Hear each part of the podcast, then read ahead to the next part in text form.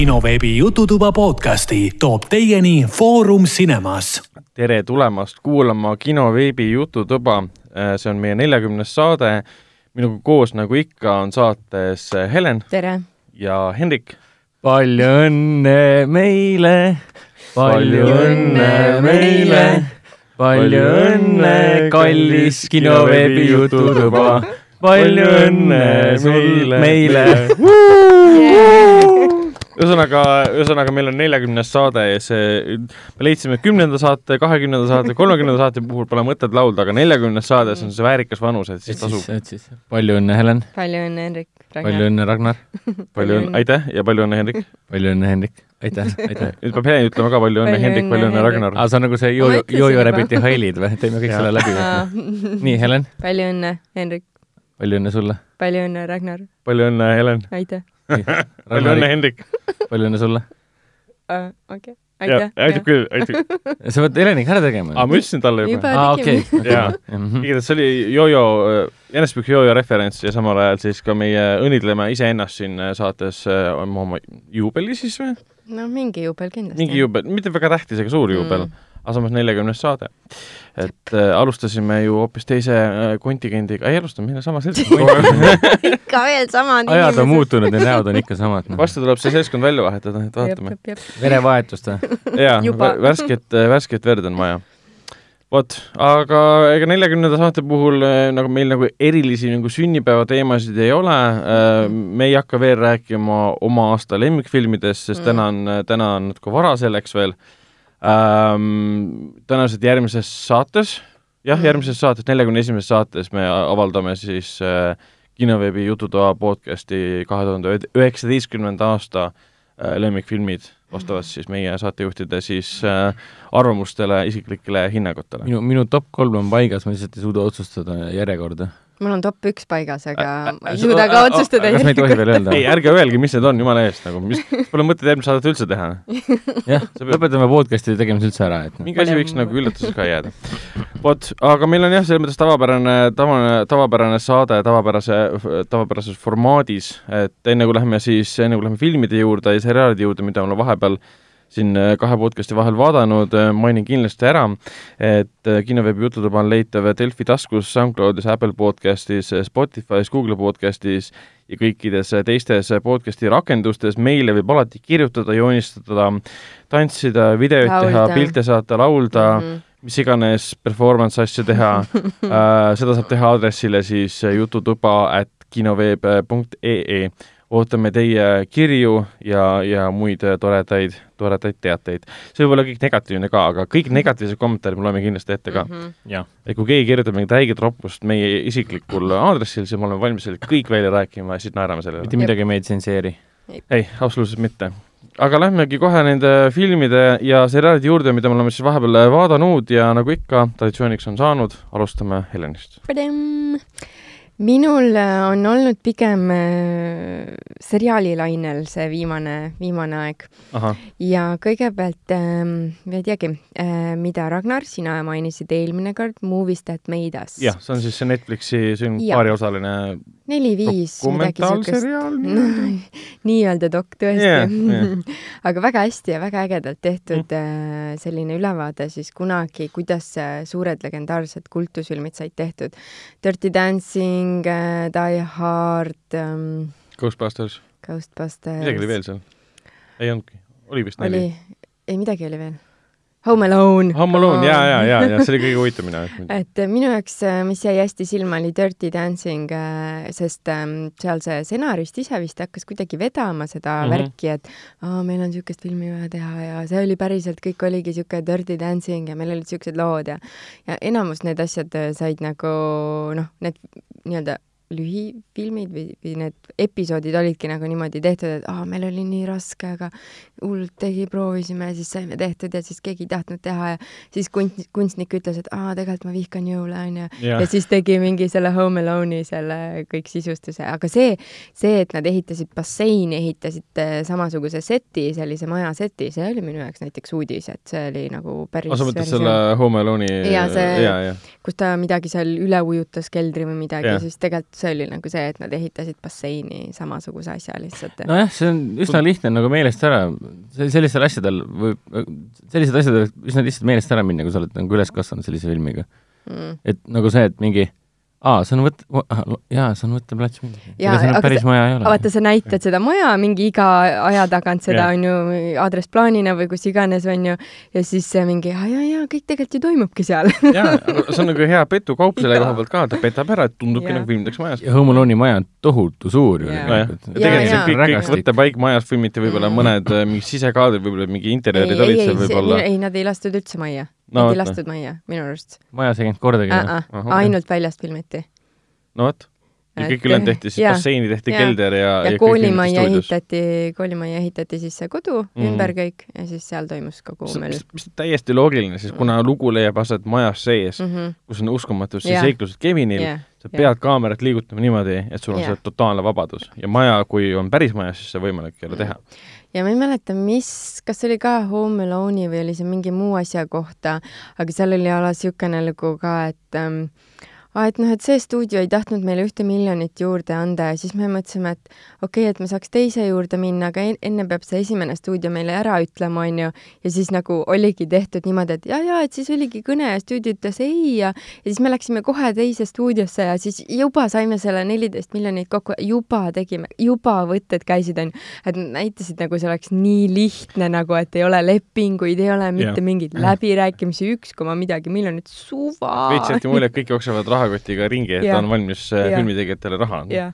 et need asjad olid naljakad, aga noh, no ma veits ignoreerisin neid asju, aga, aga muidu oli nagu väga, väga mõnsa oli vaadata. no muidugi Home Alone'i puhul oli veits teistmoodi ka, et noh, need tegijad olid kõik tuntud ja et noh, okei okay,, see mm, issand, see reisijal oli, ah, kes tegi see... esimesed kaks Harry Potterit. Chris Columbus. tema veel ja. nii populaarne võib-olla ei olnud, aga see John Hughes, kes selle stsenaariumi kirjutas ja oli ka produtsent, tema oli ju megapopulaarne. ta oli mega, mega tuntud juba selleks ajaks, jah. jah, kaheksakümnendate noortefilmide no, kuningas nii-öelda. tema, tema nime, tema ühes varasemas filmis oligi see äh, Macaulay Culkin esimest korda sealt, noh, ma sain ka selle teada põhimõtteliselt sealt mm. -hmm. tegelikult ma kaudselt nagu teadsin seda, aga ma kunagi uurinud ise. jaa, meelest lähevad ära. pluss noh, näitlejad ka, et ikkagi see Joe Pesci ja Dennis Stern mm -hmm kas Tallinnas Stern oli üheksakümnendateks aastateks juba populaarne? natukene küll jah, sest seal oli aa, ikka oli jah ja,. seal oli kõva. nagu see teema vist ka, et ah, ma tahan rohkem raha, ei saa rohkem raha ja, ja, siis, ah, ma lähen ära, no mine ja, ja siis, ah, meil on nüüd rohkem raha, okei okay,, ma nüüd tulen mm,. nii hea otsus, kõik on nii hästi, onju.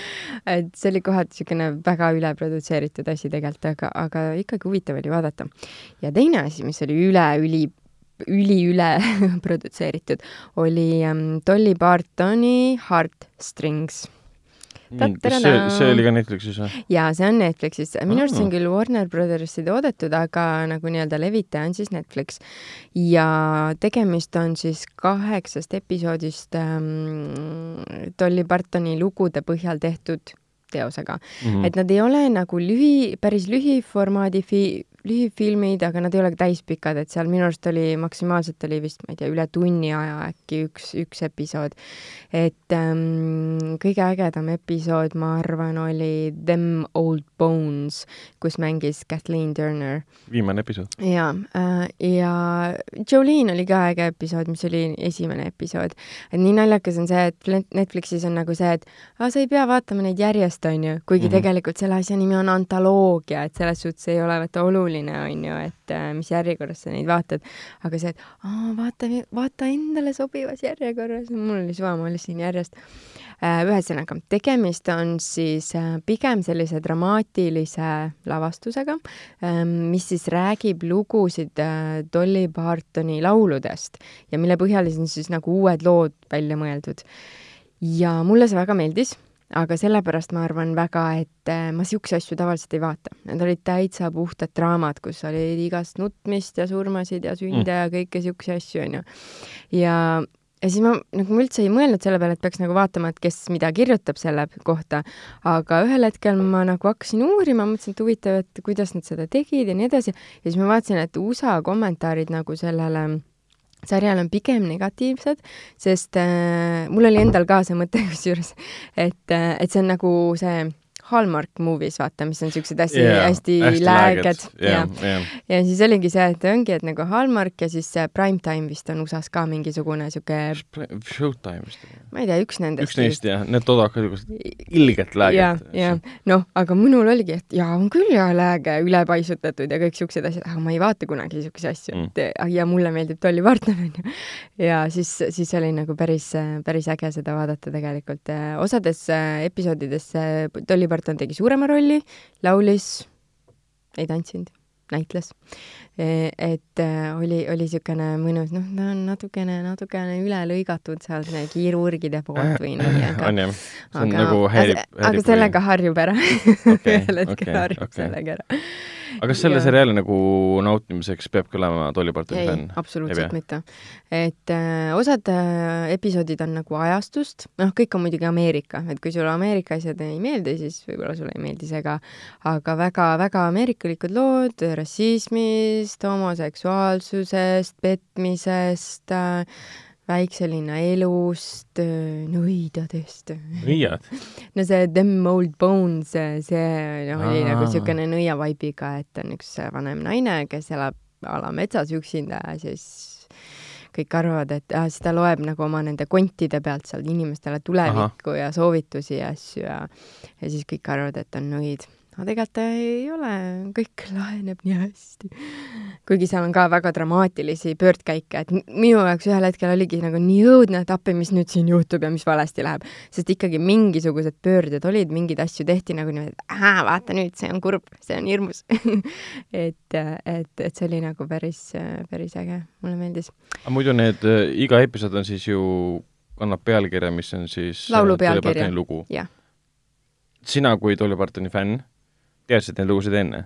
ühte ma vist ei teadnud uh,, Down to Denver või den-, de-, de-, de-, de-, Ma võin vaadata. to, mingi D-tähega oli mm,, et seda ma nagu mingipärast väga ei mm. -hmm. teadnud. aga miks ma küsin, ongi sellepärast, et äh, kas need lood olid umbes sellised, et sa, kui sa oled varasemalt neid kuulnud, et kas sa on sama ja?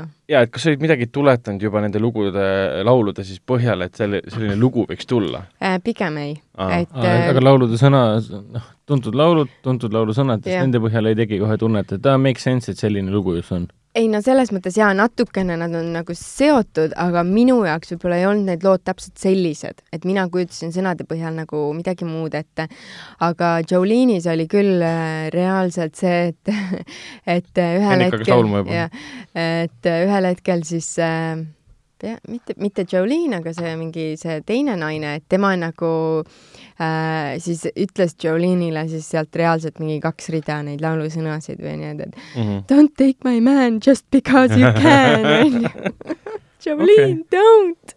eks ta tegelikult totaalne fänni, fännikaup. ma vaatasin jaa, et Warner Brothers oligi tootnud selle otse Mm. Netflixi jaoks. Mm. ja siis noh, Dolly Parton ise oli selle kõik selle creative director ja mis iganes äh, aitas seda luua. väga huvitav idee samas. minu arust ka, minu arust ilgelt äge, mul on endal ammu siuke idee olnud, et võiks midagi siukest olla tehtud või te tegemas või midagi ja näete, juba tehti ära, kellel raha on, see saab teha, onju.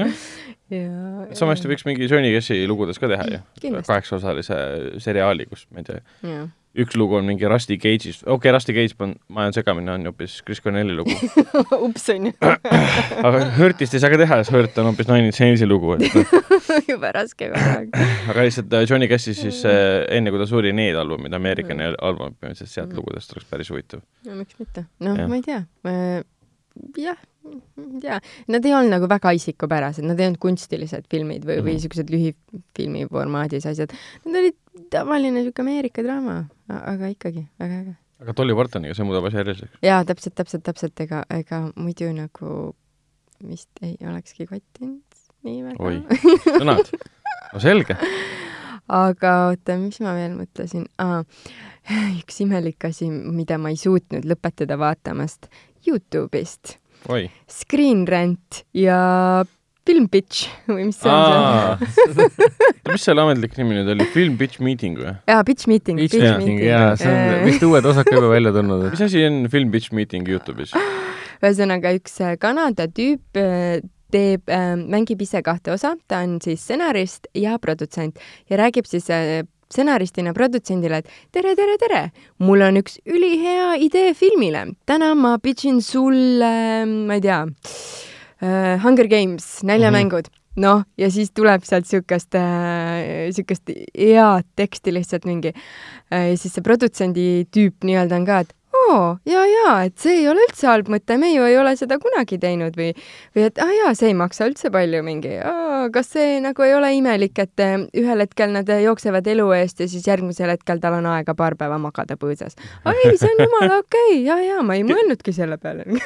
ja ma olen ka nüüd vaadanud, eriti kui mõtled uute filmide kohta, on see mingi uus Spider-man mm -hmm. või uus Terminaator ja siis sa vaatad, tegelikult läbi selle huumori, selle mm. -hmm. iroonia, selle paroodia tegelikult mm -hmm. ta toob väga niisuguseid õigeid punkte mm -hmm. välja. alati mida. sa leiad tegelikult sellistes, ütleme, väga tõsistes analüüsides, kus mm. -hmm. arutatakse, mis on Hollywoodis yeah. valesti. jah, ta toob tegelikult need kõik välja mm. -hmm. on küll ja jah. see põhiliselt, mida ta korrutab, on see, kuidas see produtsent ütleb, et uh, something something is tight. ja, ja. ja tei-, ja stsenarist ütleb alati ka mingi asi, et uh, Super on- easy, no convenience või? Ja midagi super, super taolist. easy, barely on uh, Inconvenience. in, in, Jah, barely jah, on jah, inconvenience. ja see on alati see on siis vastus küsimusele, kui produtsent küsib, et aga kuidas, kuidas see tegelane jõuab sinna kas, ei kas see on tema, tema jaoks keeruline, siis mingi I don't know. ja alati küsib mingi why are you asking these questions? Ja, ja. I just wanna make a movie ja siis produtsent mingi all right then, okei okay. that's, that's fine, that's fine. ja alati siis see video lõpeb selle artikli pildiga, jaa, mis puudutab sama filmi, et mingi see film failis kinodes räigelt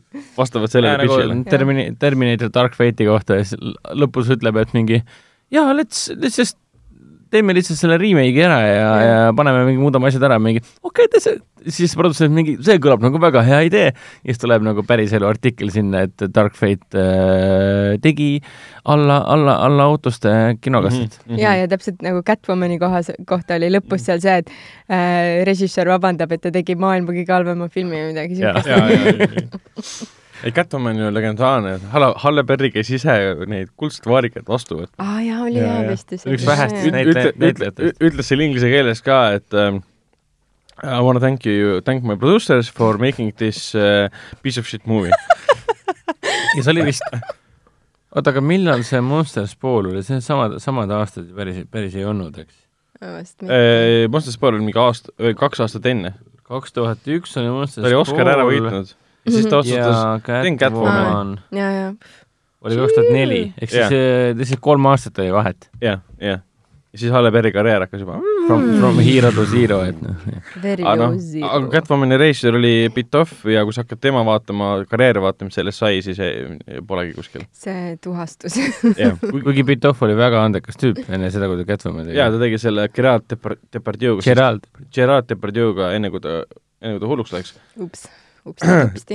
tegi selle, mis oli Vidok, selle prantsuse uurijast, väga äge visuaalselt. omal ajal oli see põhimõtteliselt esimene taoline film, mis võeti täisdigitaalsete kaameratega Mm. ülesse, kasutati intensiivselt, kasutati eriefekte ja green Mhm. screen'e ja rohelisi, rohelisi, rohelisi plaane. rohelisi mehikesi, okei, cool. See oli- mul on siin, ma pole ammu seda uuesti vaadanud, aga Bidoffi Bidok on küll tegelikult niisugune räige stiilipauk oli seda ma sa mäletan. vist oled sellest varem ka rääkinud, mul nagu seal oli see klaasmaskiga, klaasmaskiga mõrvar, kes püüdis kinni noori, noori naisi ja imes nende elujõudu nii-öelda mm.. puhtalt selle põhjal, et see naine vaatas sinna klaasmaski sisse mm. -hmm. nägi iseennast ja siis tõmbas sisse mingi ja kui ta ringi jooksis eh, ja põgenes sealt, alati liikus ääretult nõtkelt, nagu prantslased armastavad teha, hästi mingi teemulikult nõtkelt ja siis üks, üks, üks see mul siiamaani meeles, ma minu meelest ma ei ole ammu täispikalt uuesti vaadanud alates aastast mingi sajandi algusest saadik. seal on see tseen, kus ta vaatab sellele peategelasele otsa, siis teeb mingi imelikku häält ka mingi siis jookseb ära, et noh. see on nagu väga friiki asi oli see. oli tõesti uh.. aga Helen, kas sul on midagi veel, mis sa oled vahepeal äh, vaadanud äh,? no me võime koos rääkida Irishmanist, kui te olete valmis või Knives Out. Uh, no selles mõttes me räägime natuke hiljem, sest ta on kinos, Irishman kinos ei ole. ma vaatasin ka neid nimekirju praegu, et mis me oleme kodus vaadanud mm, -hmm. mis me Mhm. oleme kinos vaadanud. ma vaatasin, et, ma vaatasin, et mis me oleme kinos vaadanud ja see oli siin Irishman. mingi, ma saan aru, et Martin Scorsese film, aga kuna seda kinos ei vaadanud ja see on ikkagi Netflixi film, siis paneme, mis me vaatasime kodus, kodus. et imelik öelda, et Martin Scorsese uus film, aa, ma vaatasin seda kodus. kõigest kolm ja pool tundi. aga enne kui Irishmani juurde lähme, siis ma mainiks ära, sest Hendrik on vahepeal vaadanud vist ainult Irishmani, ma mõtlen kodus siis. mina vaatasin kodus Jah. Irishmani. et ma mainiks ära, et äh, The Mandalorian endiselt äh, suurepärane seriaal Mm. mm., kuigi see viimane episood, seni viimane episood siis enne äh, nüüd siis, kui sa- salvestus tuleb välja homme, siis enne tänast päeva siis äh, tuli uus juba välja. viimane episood ei olnud kõige huvitavam oi-oi. um,. enne ta otsis Oh. kuidagi müstikat, armastus läbi jah, ei Nii, selles mõttes, Baby Yoda on endiselt väga nunnu, aga point oli selles, et ta oli kuidagi hästi imelikult välja valitud nagu kõrvaltegelastega.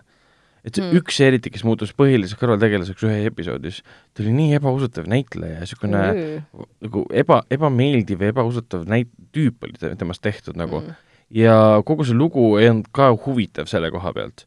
aga sinna jäeti selline, kuidas nüüd öelda, plot twist lõppu, et niisugune, mitte plot twist, cliffhanger jäeti lõppu, siis okay. nagu anti mõista, et see lugu läheb edasi uh,. aga muidu, muidu väga meeldib. Watchmen uh, saab varsti läbi nüüd, mingi kaks episoodi on veel, mul on üks episood nüüd vaatamata senistest, mis on välja tule, tulema, tulnud uh,, endiselt üks, tõesti üks aasta parimaid seriaale vabalt sellega, sellega täiesti nõus, et nüüd hiljuti Areenis ilmus ka pikk arvustus sellest, kus kiidavad kõik taevani, et jätkuvalt, kes tahab vaadata, siis Telia HBO-s on täiesti olemas ähm,, väärtuslik raam ähm,, tasub äh, isegi siis vaadata, kui sa ei tea mitte midagi sellest koomiksist, sellest filmist, mitte midagi, tahad näha head lavastust ja ägedat julget mm. äh, loojutustamist, siis see on see mm..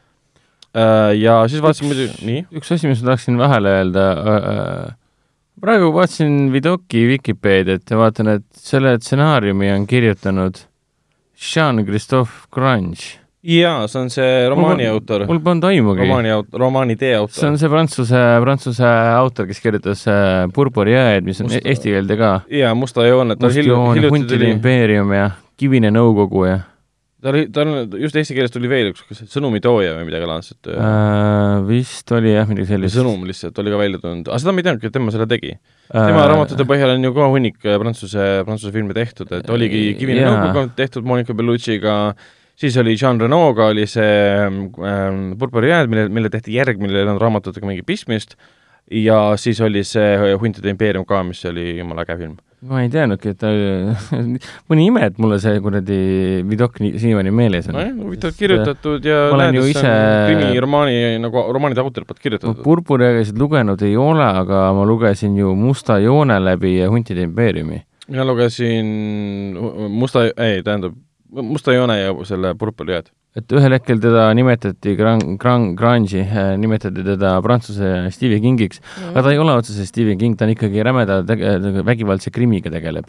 aga tal on niivõrd äh, tihedast müsteeriumist äh, täis pikitud lood, et ne- need hullult hästi kirjutab, hullult põnevad lood. no tal on muidugi see, et kui, kui kingilood on kõik nagu läheb üleloomulikkusse mm., üleloomuliku tasemele, üleloomikuks, jah. üleloomulikuks täpselt eesti keel siis Kange põhimõtteliselt mängib sellega, et näe, siin on üleloomulik asi ja tegelikult pole kunagi. see on midagi muud, et noh, kusjuures prantslased on teinud ka Purpuri jõgede põhjal teleseriaali.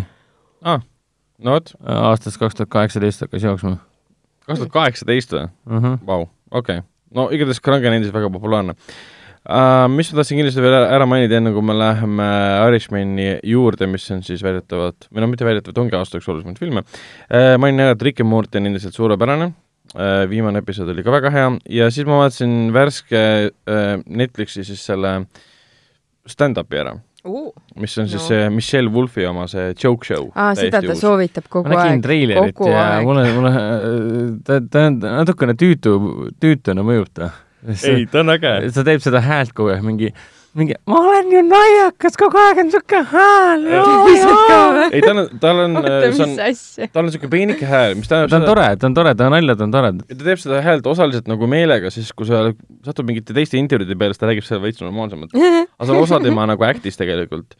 ja minu silmides äh, ta jõudis minu nagu äh, äh, silmapiirile alles siis, kui ta osales selles ähm, mis Ameerikas toimub, vaata iga aasta on need äh, presidendi siis äh, pressi äh, õhtusöök. jah, ja siis kutsutakse koomikud ja, ja tegi, ta tegi seal kellele? Trumpile tegi siis Trumpile. nagu roast'i ja see oli, ja see oli nii võimas roast, et pärast kõik Trump kirjutas, et Michelle Wolf pole naljakas. mida Aa, tähendab okei, okei, mida, mida saanud tähendab roast, mida tähendab roast imine? roast imine tähendab seda, et sa läbi nalja teed teda nagu maha. jah, ehk siis sul on äh, Röstid, röstid piirideta ära. röstimine, ehk siis sa võtad tuntud inimese ja röstid ta korralikult läbi, ehk siis põhimõtteliselt sõimad tal näo täis, aga, aga ütled, et see on naljakas. no seda läks Eestis ka, ma vaatasin, mingi vent on tulemas, et eh, roast of Sander Õigus või midagi laadset.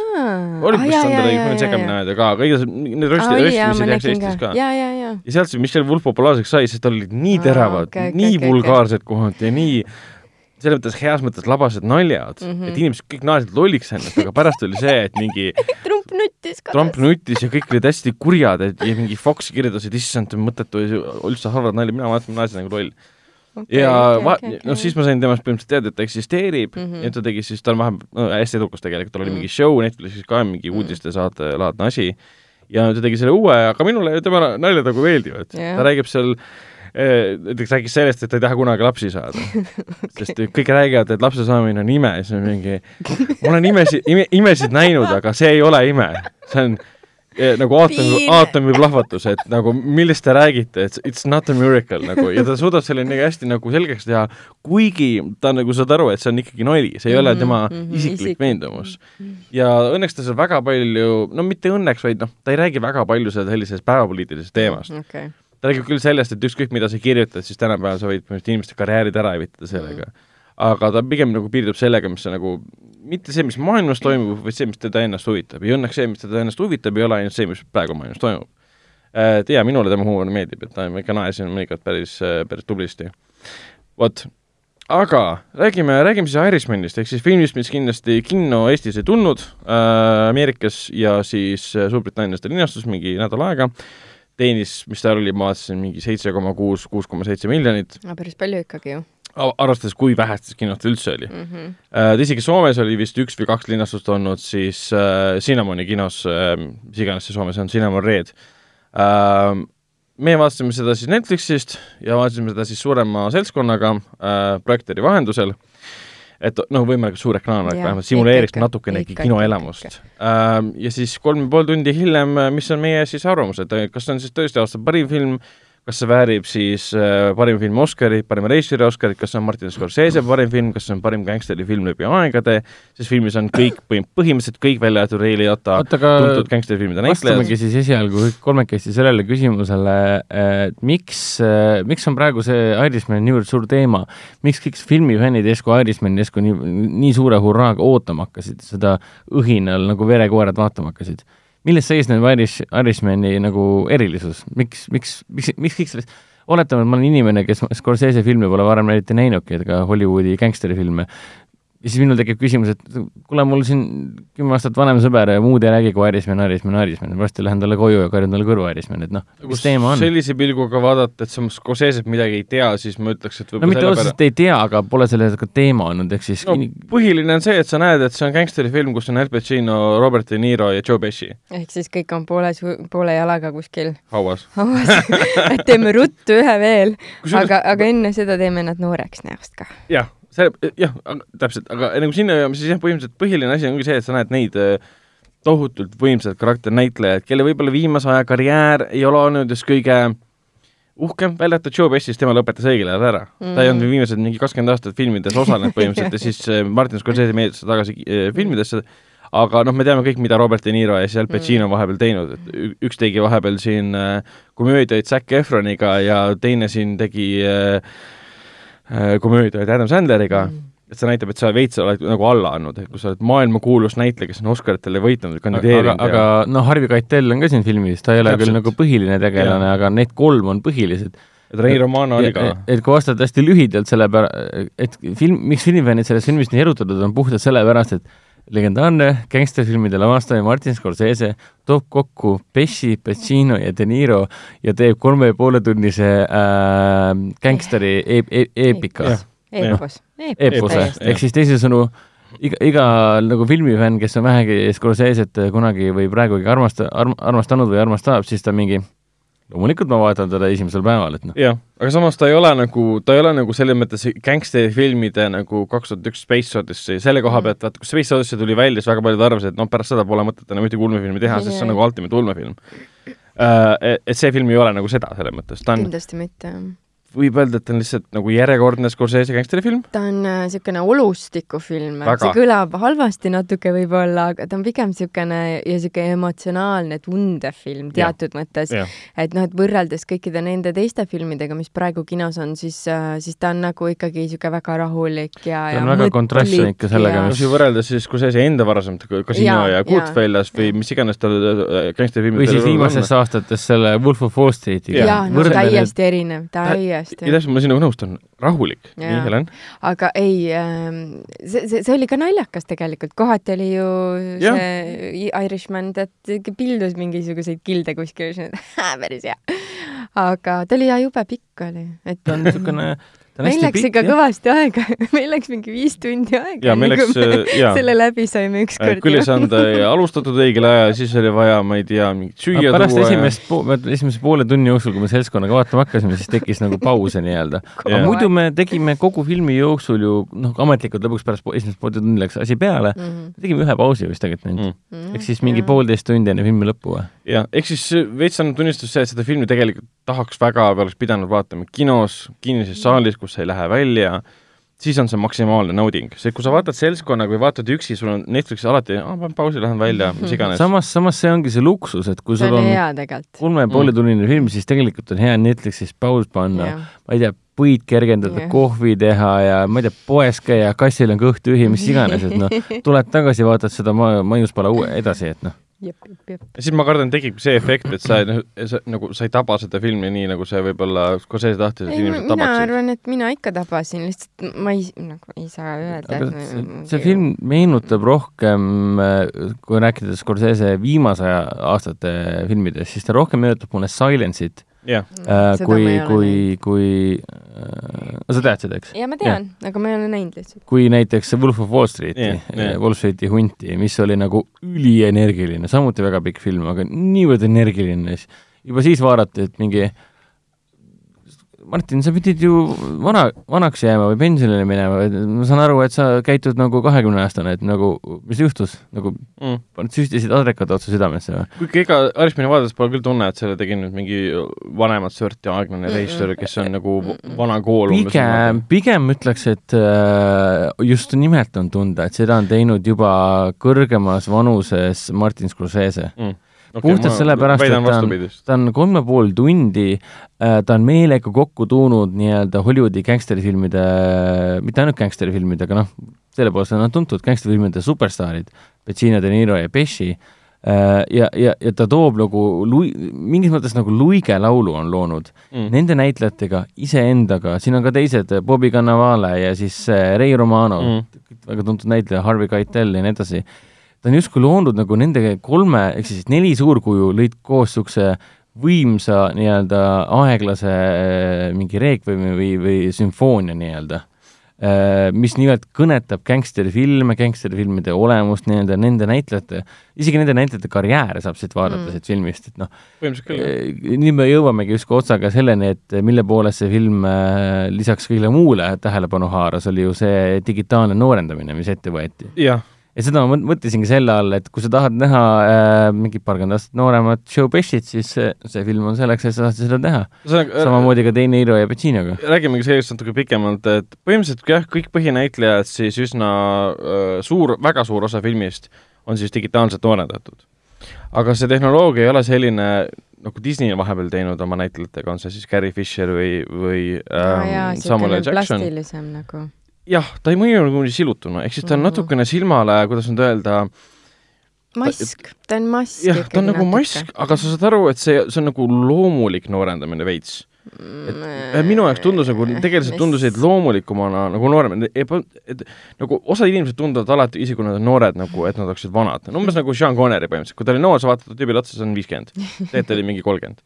aga siin on põhimõtteliselt sama asja kasutatud, et need tegelased tunduvad nooremad, aga nagu normaalses kujus, mitte niimoodi, et on hästi drastiliselt nooreks tehtud. ai, selles mõttes jah, nad nagu vist väga, väga ei üritanud neid teha nagu täitsa nooreks Mm. mm., aga eh, mis oli nagu näha ja mis noh, kui sa nagu väga ei vaata, siis sa ei näe, aga mina liiga palju vaatasin, siis ma nägin äh, ja jäi, jäi silma, minu arust me ise ka seal kommenteerisime, et äh, ninad olid Mhm. natuke suured ja kõrvad olid tegelikult nagu veninud välja Jah, nagu jah. ja noh, kehakuju ka, sa ei muuda nagu Jah. seda püstakut, seisakut see hoi-, hoiakut. hoiakut, äh, rühti, et, et see, seda nagu oli näha ja noh, nad oleks võinud ju varjata, pannud müts pähe või ma ei tea, kapuut pähe, ei ole nii lihtne muidugi. et, et need asjad nagu jäid silma ähm,. Ja siis oligi see, et noh, nad võisid neid kortse siluda, aga ikkagi kuidagi silm on teistsugune ja, ja Jah. noh, okei okay,, pärast mingi teist ja poolt tundi sa harjud küll ära sellega, aga see on ikkagi nagu natukene võõras. ma mäletan, mingi koht oli see, kus ähm, Robert De Niro istus seal kuskil kellegi vastas ja tal oli mingi megakorts siin kulmude vahel mm.. tal oli see megakorts ja siis tal oli otsa ees ka megakorts ja siis need olid nagu viltu või need ei liikunud, need olid nagu peale pandud või ma ei tea, Mhm. mis nendega tehtud oli, siis vaatad, vaatad, siis mõtled, no ma ei tea, no kuidagi paha oli vaadata seda mega, megakortsu, mis oli nagu, mitte et mul kortsude vastu midagi on, aga just see, et ta oli nagu vales kohas, et kui ta oleks pidanud siin keskel olema, siis see oli ääres siin kuskil. nojah, selle, selle võib panna nagu selle nagu kapsaaeda, et see on nagu esmakordne, kuidas, kuidas nii nii noorendati palju ka vaata, täpselt, ja nii suur osa filmis ka mm. -hmm, väga suur osa. et võib-olla järgmine kord, kui, kui Scorsese teeb nüüd kümne aasta pärast äh, uue filmi, kus on uuesti needsamad inimesed, juba palju parem tehnoloogia Mm. mm.. aga veits oli jah kurb, et see nagu, see noorendamistehnoloogia, see tõi endale nii, suunas endale nii palju tähelepanu. liiga palju. ja et kui sa vaatad neid stseene, see ongi see, kui Joe, Joe Pesci tegelaskuju, see Buffalino ja siis Frank Sheeran ehk siis Robert De Niro esimest korda kohtuvad, see on väidetavalt mingi kolmkümmend aastat varem, tüübid näevad ikka välja Jah. täpselt sama vanad. ja aga nad on veits nagu noorendatud, et sa saad aru, et ta tundub nüüd viiekümnene veits peaks nagu aga, Aga- nagu ei, ei nagu ei olnud ka. ja neil on konstantselt juures mingi teine nagu sul on val-, mitte valguse niisugune hõõgumine mm,. ja veits on tunda, et filmi äh, visuaalne pool on üritatud nagu selle poole tõugata ka, et see, et see niisugune valguse nagu hõõgumine äh, tunduks loomulik osa filmi mm, õhustikust. aga veits ikka, kui sa vaatad ükskõik mis kaadrit sellest filmist, sa veits saad aru, et midagi on valgusega nihu mm. nende noorendatud tegelaste juures. ja. aga kui see keskkond on hästi nagu kohati oli digitaalse maiguga, siis on hästi sobilik kõik mm. -hmm. sobib kokku. aga noh, see kuidagi näitlejatööd ei, ei, ei, ei, ei äh, muutunud halvemaks ega Mm-mm. rikkunud. ta isegi nagu võimendas kohati. Ja noh, loo jutustamine oli ka paigas, sest ta ju hüppas äh, ühest mälestusest teise mälestusse ja siis kolmandasse Jah. mälestusse ja siis tuli nendest ka tagasi, et äh, et iseenesest noh, see nagu toimis Jah. suht okeikalt. sest kuna film tegelikult noh, räägib siis nagu Frank Sheerani mälestustest, Frank Sheeran oli siis äh, Buffalino äh,, Frank, mis ta nimi oli? Buffalino maffiaperekonna. jah, oli seal siis nagu hitman, Buffalino oli see mees, kes andis oma intervjuud sellele äh, ma ei mäleta eesnime, aga Brandile, kes kirjutas selle ähm, They say you paint house- houses raamatu Aa, põhimõtteliselt, jaa, millel see film põhines. ja Frank Sheeran andis neid intervjuusid sellele autorile ja rääkis ja tema oligi see, kes ütles, et mina tapsin Jimmy Hoffa. Mis Mm. hiljem muidugi kõik erinevad kui see aega raamat välja anti, siis hakati kohe seda Jah, ümber lükkama. lükati ümber, et tegelikult tüüp lihtsalt valetas, ta oli suremas, ta äkki, siis ta valetas. tegi, mis tahtis. ja et jah, seal on, filmis on ju kõigest huvitavaid teooriaid äh, USA suurte sündmuste kohta, et Jaa. et, et kuidas asjad tegelikult olid. et äh, ma arvan, et noh, tasub No need- vaadata. absoluutselt. teooriad kohati mõjusid umbes, umbes niimoodi, et äh, Jaa, ma teadsin, tõenäoliselt aga- küll, jah. kindlasti Sounds like America onju. jah, et osa meie kuulajatest kindlasti teavad nendest asjadest, me ei hakka nendest otseselt nagu välja rääkima, aga põhimõtteliselt kuna ta alustab äh, põhimõtteliselt kohe pärast teist maailmasõda Mhm. ja liigub siis aastani, mis seal oli, kaks tuhat üheksa vist isegi või kaheksa? No enamus ta nagu dateeris äh, nagu ka sellega, kes millal surma sai, et Jaa, seal kaheksakümnendatel oli nagu nende enamuse lõpptähtaeg. enamus sai kuuli näkku. aga see oligi nagu huvitav, et ta nagu veits siis äh, kirjeldas ja näitas läbi selle maffia äh, tegutsemise, läbi Frank Sheerani, kes nende ridades nagu tõusis, näitas ka Ameerika ühiskonna arengut mm. Mhm. -hmm. nägime seal äh, Kennedy äh, valimist, me nägime Kennedy surma, ja ametiühingud olid üli ülitähtsal Teamsterid, kohal. kelle juht oli siis Jimmy Hoffa, Mm. kes läks kinni selle eest, et ta põhimõtteliselt mitte ei pesnud raha, aga siis liigutas rahasummasid ja ta polnud tõestas, kust ta selle raha sai ja nii edasi. ma sellest maailmast ma isegi ei teeks, et ma väga palju teaksin. ja kohati see muutis filmi vaatamise raskemaks ka. ütleme et ametiühingud, see on maailma suurim, see USA suurim ametiühing, Jimmy Hoffa ja, et see veits ta nõuab nagu eeltööd, nii et ainuke asi, mida soovitaks, oleks see, et lööge Jimmy Hoffa Vikipeediasse, Google'isse sisse ja lugege lihtsalt läbi. jah, siis peaks sellest äkki piisama. Selle koha pealt on hariduslik ka, et ta nagu sunnib sind rohkem asju uurima. aga noh, sellest lihtsalt ei piisa, et sa tead, et Jimmy Hoffa oli mingi tüüp, kes kaduma läks, ole kunagi vahele leitud. ja kui sa tahad seda filmi vaadata selle eesmärgiga, et näha, mis, kuidas Jimmy Hoffa sureb, siis noh, siis sa ei pea selleks vaatama kolm ja pool tundi, sa võid kerida lõppu põhimõtteliselt. ja see Aga- film nagu ühelt poolt tundub, et ta räägibki Jimmy Hoffa surmast, aga ei, tegelikult ta räägib ühe siis elu, oma elu valikuid kahetseva pensionäri, kes on vanadekodus elust, kus ta vaatab tagasi põhimõtteliselt.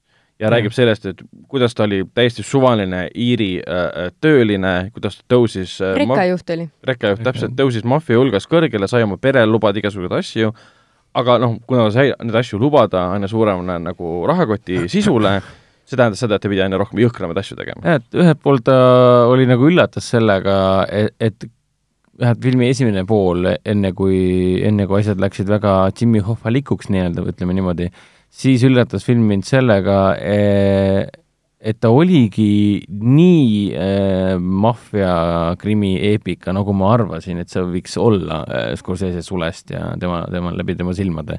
selles mõttes maffia eepikat meil on, meil on mees, kes kahetseb elus tehtud valikuid, mees, kes meenutab seda mm, -hmm. kuidas ta oma elu elas, siis ta omakorda jälle meenutab nii-öelda, et siin filmis oli palju meenutusi meenutuste sees, jah. Et niisugune inception kohati. see oli üsna veider. et see mind üllataski see, et see, et see filmi esimene pool äh, oli väga Scorsese, nagu väga-väga Scorsese. et meil on üks mees, kes äh, jutustab peale, kuidas ta oma elu on elanud, siis me näeme teda noore-vana, kuidas ta liigub mööda nii-öelda auastmeid edasi kogu aeg, kuidas ta räägib õigete inimestega, kuidas sahkerdab mahkerdab ja siis ühel hetkel läheb asi väga poliitiliseks ja nii edasi. Just selle poliitika koha pealt nagu hakkaski film ela, elama hoopis teistsugust elu. ja oli küll ja oli tunda küll mingit muutust. mul on hea meel, et see Hoffa asi üldse sees oli nagu see oli huvitav ja ma ei olnud üldse valmis selleks, ma mõtlesin, et see on mingi kerge kõrvalepõige ja me mm -hmm. lähme, lähme sellest üle, aga ei, see muidu oleks teemaks. see kolm ja pool tundi liiga kuivaks jäänud kui seda poliitikat poleks sisse tulnud. aga seda peab küll ütlema, et ütleme, ma ei tea, kas Robert De Niro teile tundus, et see on tem- tema elu parim roll nüüd või? Pigem mulle tundus, et ta mängis seda sama tüüpi, keda ta on varem mänginud. ei, ma arvan küll pigem nii. aga ma vaatasin Al Pacinot, ma kohati ei tundnud teda ära mina ka ei tundnud ma ei tundnud väga pikka aega ära Ja- ja siis keegi ütles seda ja siis ma olin, päriselt või? see ongi kummaline, kuidas inimene võib muutuda ainult tänu sellele, et sa tõmbad juuksed taha põhimõtteliselt. ja, Joe Pesciga samamoodi, okei okay,, Joe Pesci on vana, ja. see on fakt, ta nägi äge välja. muidugi. Aga ta pole nüüd nii vana, kui filmis kohati näidatakse mm., Mm. sest seal on tegelikult vanemaks tehtud. ja aga Joe Pesci on niisugune rahulik, ta mõjub nagu Don Corleone, ta on niisugune, rahulik, hingab sügavalt, räägib lugusid, aga ei ole umbes niimoodi, nagu ta oli selles Home Alone'is ja Goodfellasis ja kasiinos, jookseb ringi, räägib hästi kiiresti, tapab kõiki, mis liigub. Fucking, fucking fight, ja fight, fight, fight. fight, ta ei ole niisugune äh, kiire jutuga tüüp, kes äh, killib inimesi ja on nagu verejanuline. siin ta hoopis teises valguses, ta vastu, ta mängib veits nagu vastu oma tüüpi, mida on Mm. tore näha. Al Pacino mängib ka vastu oma öö, tüüpi, no selle koha pealt, keda ta tavaliselt mängib. aga De Niro just mängib seda tüüpi, keda ta kogu aeg on mänginud. ja Katell on ka lihtsalt Jah. nagu korraks, Harvey Katell tuleb sinna taustale, et aa, see on see maffia, maffia boss, ütleb kiri. ta sureb kümne, mingi viie, viie aasta pärast ära mingi, okei okay.. samas, samas kogu see maffia universum, Scorsese, Scorsese maffia universum siin Irishmanis või iirlases äh,, mulle meeldis see, et kui niisugune filigraanne ja elegantne oli äh, kogu, kogu see omavaheline suhtlemine, Mhm. et nagu räigelt pingutas Scorsese selle nimel, et, et noh, Steve Sailing kirjutas stsenaariumi tegelikult ju. jah, ehk siis see mees, kes kirjutas stsenaariumi ka mm, Fincheri sellele Stig Larssoni adaptatsioonile jah, lahedalt vääringu tüdruk. jah, ja midagi ta kirjutas veel hästi ah,, ta vist kirjutas selle Moneyballi, kui ma nüüd ei eksi. ja ta sai minu arust selle eest Oscari ka.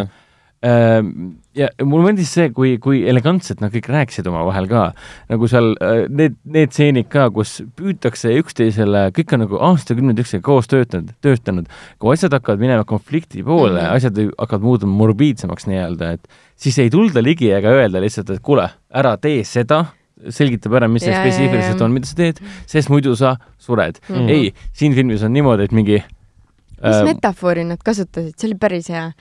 It is what it is. ei, see oli üks nendest lihtsalt. Pesci tuleb ütleb, et mulle just öeldi, et it is what it is. You know what I mean. hetkel saad aru, et ah, see tähendab seda, et see inimene peab surema ja. siis teine tegelane vaatab, meie, meie publik vaatab mingi äh,, oota, mida?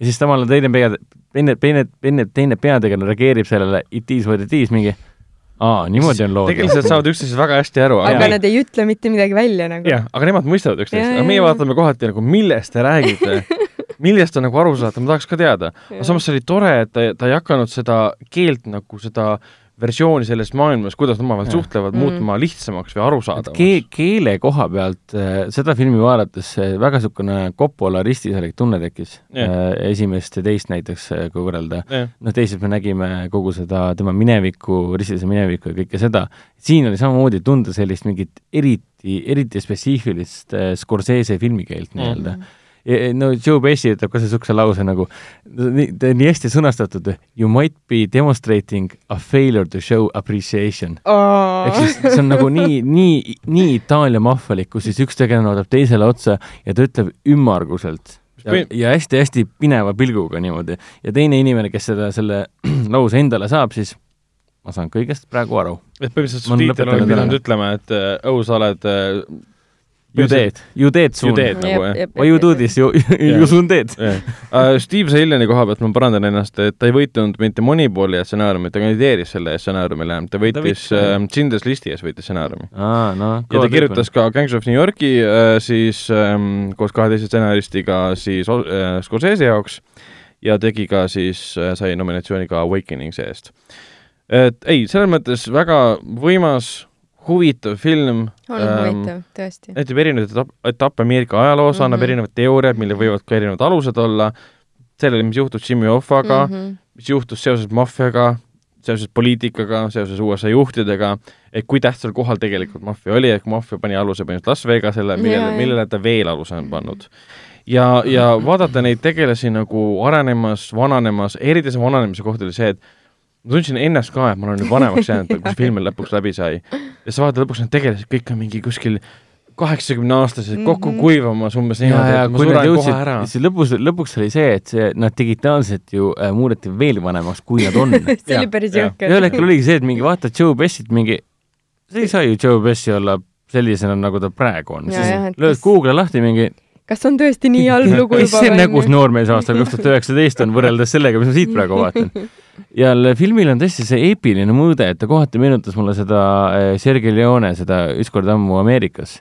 Jaa. Once upon a time in America. ta veits meenutas mulle seda muusika poolelt meenutas jah, Leone seda Once Upon a Time in Westi ka. kohati see mu- muusikakasutus teatud stseenides oli väga-väga sarnane sellele. jaa, aga aga tõesti, tõesti, kus seal oli ka Robert De Niro ju jah, uh,. Once Upon a Time in, in, in Americas siis tähendab. Et siin on siin oli ikka vist ainult, ma ei tea, James Caan oli näiteks puudu ja kes veel, James Caan on pigem nagu Coppola, Coppola jaa, aga nagu suured gängsterifilmid, kes veel puudu on, nagu ma ei tea, Untouchablesis oli ju see James mm,, Kevin Costner on Kevin. Costner, noh. Aga Kevin- kus Kevin Costner aga jäi Kevin? Costner polnud gängster seal. no tõsi, aga ta oli gängsterfilmis, et noh, nii-öelda. ma uurin. aga selles mõttes, et igale ühele, igale meie kuulajale, kes on äh, suur Hollywoodi filmide austaja, eriti mis puudutab äh, gängsterfilmide austaja, noh, kuni tänase päevani ajajoone pealt, siis Irishman, iirlane on ikka, ütleme nii, et on paras maiuspala, aga ta on niisugune maiuspala, mida sa pead ikkagi aeglaselt närima, võtma seda aeglaselt sisse, mitte kiirustama sellega. jah, ehk väga, siis väga äh, peab aega anna aega ja ära oota, et see oleks justkui ja midagi sellist, mida sa ära oota, et oleks midagi sellist, mida sa tahad, et oleks, vaid äh, oota lihtsalt seda, et mida Scorsese sulle pakub koos oma näitlejatega. Mm. et äh, ütleme nii, et mul on, mul on hea meel, et ma elan äh, ajal, kui ma saan näha äh, kolm, nelja legendi ühel ekraanil äh, tegemas seda, mida nad kõige paremini oskavad. mul on hea meel, et Al Pacinol õnnestus lõpuks oma karjääri jooksul teha film Mart-, Martin Scorsese'ga. ah,. see oli, see ei olnudki veel juba juhtunud või? ei, see oli tema esimene film üldse. kusjuures kõik näitlejad unistavad sellest ja ma olen nii palju noorte näitlejatega suhelnud ja see, kes meil eelmine kord siin kinos või külas käis. Joshua- Joshua Glinster. tema ütles, et tema tahab äh, Jaa, jah. ei, ma kujutan ette küll hästi paljud, ühesõnaga ma olen nii paljudega rääkinud, kõik tahavad nagu temaga koos teha filmis. Jaa. kui tõmmata tal ka nagu juuksed õliseks, tõmmata taha ja Jah. siis ta võibki mingit noort gängsterit gängster. mängida. vabalt, et noh, et selles mõttes äh, jah, ei, kokkuvõttes võib-olla tõesti veits tundub küll, et Scorsese tahtis meelega teha, et vaatas, et nagu kurat, Leone tegi ka mingi megapika äh, äh, selle mm. New Yorgi filmi siis nagu Once Upon a Time in, in America põhimõtteliselt, et me võiks ka teha siis. Mhm. aga ta ei ole nagu nii tempokas kui Casino või ta ei ole nii põnev kui Goodfellas või ammugi mitte nagu äh, Wolf of Wall Street selles mõttes, aga ta on selline näi-, näitab kohati nagu rutiinselt ja süste-, süstemaatiliselt ka, milline on siis nagu selline maffia elu et see mm. kohati oli niisugused pika montaažilõigud ka, muusika taustal lihtsalt tüübid käivad inimesi tapmas. ja ma isegi paar korda ehmatasin, kui nad seal oli, no seal oli ikkagi natuke vägivalda ka, mitte nagu nii megalt ja mitte mm. intensiivselt, aga mõned kohad olid, siis mul oli, et oh, päriselt või, kas te yeah, nüüd nii teetegi või ah!? ongi see huvitav, et see on nagu, mis puudutab äk-, vabandust, action'it oh., siis action'i suhtes noh, seda ei ole sellisel kujul, nagu me oleme harjunud jaa, kindlasti et, mitte.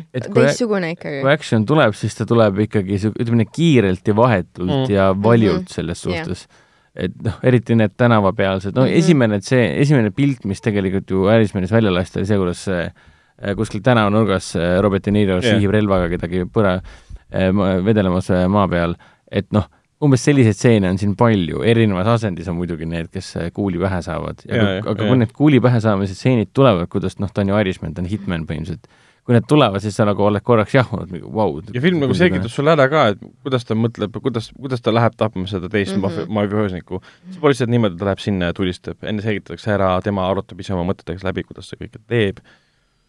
ja samas, samas see poliitiline mõõde ikkagi, ütleme nii, et küllaltki sügav kommentaar tänapäeva Ameerika suhtes ka. jah, selles mõttes küll, et see, et see Jimmy Hoffa on ju tegelikult on, ta on nagu suur rahvamees nii-öelda, samal ajal teeb siin noh, rämedad, rämedad ja raha hoida. samal ajal kõik teised, kes on tema vastu, on täpselt samasugused nagu tema mm, -hmm. üks hullem kui teine, aga kõik õigustavad, et nemad on maailma parimad ja nii edasi. Mhm. siis kariärimehi kontrollivad kogu riiki, et mm ei, ta teeb nagu väga huvitavad kommentaarid äh, tänapäeval isegi Ameerika ühiskonna mm, kohta, üldse Ameerika ajaloo kohta. Mm.. Uh, mida ma tahaksin veel välja tuua, on, on see, et seal on selle koha pealt võib-olla halvasti öelda, et äh, filmis on palju mõttetuid stseene me vaata, me naersime ka neid täpselt, et Niro tuleb hommikust sööma, äh, võtab endale kohvi, küsib Bessi käest, Buffalino käest, kas sa tahad ka kohvi, siis ütleb, et ei, istub temaga maha ja siis hakkab põhimõtteliselt mingi kohvi ja mingi vett kallama ja siis mingi piima. kas sa tahad äh, sirjal, kas sa tahad hommikusöögi krõbinaid? ja see tükk, see kestab päris kaua. see viis minutit umbes. ja nad on teevad seda enam-vähem vaikuses ka mm -hmm. ja see ei andnud nagu mitte midagi juurde mm. -hmm aga selles hetkes oleks omavahel midagi arutama, oleks võinud tegelikult selles hetkes ka see tseen peale hakata. niisuguseid kohti on palju tegelikult filmis. et põhimõtteliselt äh, see on kirjutatud nii, nagu tegelikult äh, nii-öelda äh, ütleme, noortel ja alustajatel stsenaristidel ei lubata mitte kunagi ja. teha, et äh, stseen peaks algama kas tegevusega ja. või mingisuguse uue mingisuguse asjaga, kuhu ja. asi edasi viib, aga see stseen ei viinud kuskile nagu selles no. mõttes, et ta lõi tuju ja meeleolu ja, ja, ja selle, kus nad on ja mis äh,, point oli seal ju see, et mis nad nüüd edasi peavad tegema. õigemini, mis see peategelane peab tegema, aga see sissejuhatus selle jaoks oli ülipikk ja ta ja. võttis aega, ta näitas seal keskkonda, kõik toimis, onju. Ja täpselt, ja see sissejuhatuse koht oli ka imelikult lavastatud, see eelnevalt me teadsime seda infot, mida oli siis Sheeranile öeldud, mida mm -hmm. sa mhm. pead tegema oma siis äh, tuttavale, ütleme nii.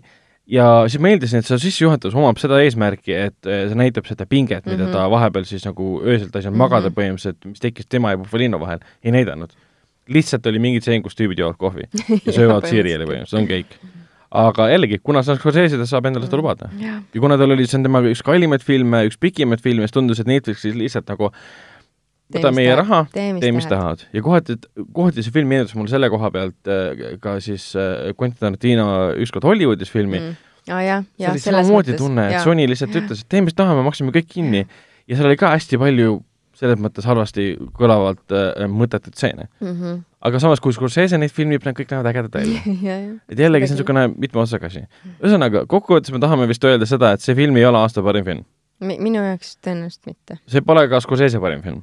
no Wolf of Wall Street oli kindlasti nagu ägedam. jah, aga see pole sugugi halb film. ei, kindlasti mitte. see pole kindlasti see film, mida võib-olla maailma suurimad Scorsese fännid nüüd ootavad Scorseselt. seda ma ei tea no mina, mina, ma, ma, ma ei ütle, et ma maailmas Scorsese fänn olen, pigem ma ütleks jaa, see ei olnud päris see, mida ma ootasin, aga ma olin üllatunud selle koha pealt, et see, kuna see ei olnud see, mida ma ootasin mm., see üllatusi selle koha pealt nagu pakkus.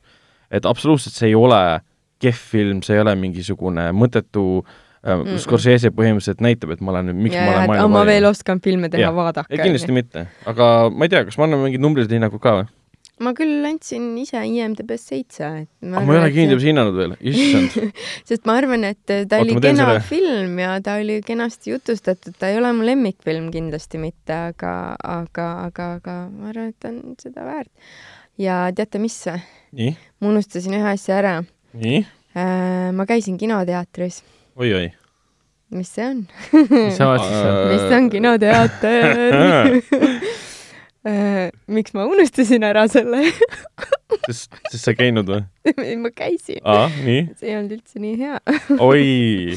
mida sa vaatamas käisid, see oli see Mm, Pääru Oja see Pääru Oja, oota, ma vaatan, see neiu oli väga-väga kena ja tubli äh,. Kristi Kimmel äh, mängisid kahekesi siis sõpru mm -hmm. äh,. nii palju, kui mulle jäi meelde, siis, aa okei okay., teose pealkiri on Kihk äh,. Linastus Apollo kinoteatris Ülemistes ja ma läksin seda vaatama, sest ma mõtlesin, et äh, nad räägivad AIDS-ist ja HIV-st ja kui halb see on ja kuidas Eestis sellega ei tegeleta. aga, aga reaalselt äh, loos tund midagi kestis äh,, reaalselt kolm korda ainult mainiti seda. ja nad vist ajasid seal sassi selle, et kas tal oli haits või tal oli HIV, et need on kaks erinevat asja. kõigepealt on sul HIV ehk äh, immuunsuspuudulikkus. Jah. ja siis sul, ja siis, kui see enam ei allu ravile, siis sul on AIDS. mm. -hmm. ja see pidi nagu sellele tähelepanu tooma ja ma ei tea, harima inimesi ja kõike muud. Aga noh, noh okei okay,, olgem ausad, ma läksin ennekõike Pääru Ojat sinna vaatama ja no muidugi, ma olin küll päris kaugel, aga kas võtsid oma teatribinoklid kaasa või? vot jäi see tegemata. mul on kodus olemas need pisikesed, siuksed klassi- klassikalise välimusega, klassikalise disainiga see ka. oleks nii hea olnud. ma muidu ka selle peale sulle aga sa saad seda vaatama minna, sest äh, neiu on äh, suuremas osas ajas, ma ei mäleta peategelase nime äh,, pulmakleidis mis ei püsi tal väga hästi tisside ümber, nii Mm. et tal on nagu kogu aeg tissid poolpaljad ja siis ta peab nagu siit üles tõstma, et, et ta nagu ei paljastaks ennast. Et kui sa tahad seda vaadata, siis see binokkel on nagu selle jaoks, ma arvan, nokk täitsa okei okay.. et tasub Aa, ja- vaadata esimesest reast. pigem ja ühe korra ta võtab riided seljast ära, aga tal jäävad trussikud jalga ja sukad ka no selge. ähm,. Aga siiski, noh, need olid need highlights, highlights Vau. of the movie, movie theater. aga nad käisid ju seda kiitmas äh, Televisioonis tean. ka, oli vist Televisioon, Ringvaates jah, tähendab. ma kuskil Jah. nägin seda ja sellepärast see mulle valmistaski pettumuse ja tegelikult olgem ausad, kui on nii suur saal, nagu on Apollos äh, megasuur saal, see on suurem minu arust kui see Space, mis see on see, Henrik, see iSense. iSense, vaata. sa mõtled siis äh, Apollo teatrisaali? jah, Ülemistes? jah. ei ole suurem kui Essence. tundus küll suurem. Eestis ei ole äh, kino, kinosaal, mis oleks suurem kui Essence. oota, isegi mitte Cosmos IMAX äh, saal ei ole suurem. kosmose IMAX-i saal oli ju, tähendab, enne seda, kui ta kosmose, noh, IMAX-iks muutus, oli seal ju kuussada kohta, nüüd on poole vähem. küll. Anyways, kui sul on äh, kinosaal, sul on seinad on ju kaetud mingi kangaga, Mm. Aga kui sul on kaks näitlejat laval äh, ja see ei kaja, siis on see päris halb variant, Seal sest ähm, mingit kõlarite varianti üldse Aa, aa. polnud või? mikrit ei olnud, et äh, näitlejatel ei olnud midagi küljes, nii nagu suust tuli, nii tuli. ja otse siis, kui sa Jah. kuskil üleval, üleval reas, sa kuuledki ainult seda, mida sa kuuled otse lavalt. ja Ah., ja mul oli päris kahju nagu näitlejatest ühel hetkel ähm,, sest tundus, et nad röögivad oma hääled täiesti ära. et äh, no ma küll kuulsin ja Päru Oja tegi suurepärase rolli ja ta hääl oli väga okei ja see mm, teine näitleja samamoodi, Kristi Kimmel, kes sai ka väga hästi mm. -hmm. hakkama, kuigi mulle tundus, et siin oli ka miskäest nagu, et äh, ei sobinud kas naisnäitleja või ei sobinud meesnäitleja, et nad nagu oli niisugune tunne nagu vahepeal noh, vaatad mingi, mis ta on, Kristen Stewart mängib kuskil, siis mõtled, et ei, ta ei tohiks seal mängida, vaata, onju. et ta on hea näitleja, aga ta ei tohiks mängida seal, onju. või et tunnetan, sul on mingi bias Kristjan Stewarti vastu. mul on väga suur on väga tore näitleja. mulle üldse ei meeldi ta. Anyways, aga ühesõnaga nagu tunne oli nagu see paigast ära natukene, et ei olnud see kuidas on Eestis casting, no ma ise ei tea, kuidas eesti keeles casting isegi Äh, on näitleja näitleja valik- rolli valik. rollivalik, rollivalim. et äh,, et casting on nagu hea sõna. Et need mõlemad väga head näitlejad, aga kuidagi midagi oli nagu valesti. Ja üldse mingid asjad olid veel valesti. Ja siis nagu oligi väga-väga kummaline kogemus oli, et kõige raskem oligi see, et see etendus oleks pidanud olema väga niisuguse privaatse, privaatse lavaga, nagu näiteks Heldekeses, vaata, mis on nagu üliväike niisugune, sa näed kõiki emotsioone, jaa, täpselt. vot see oleks pidanud olema.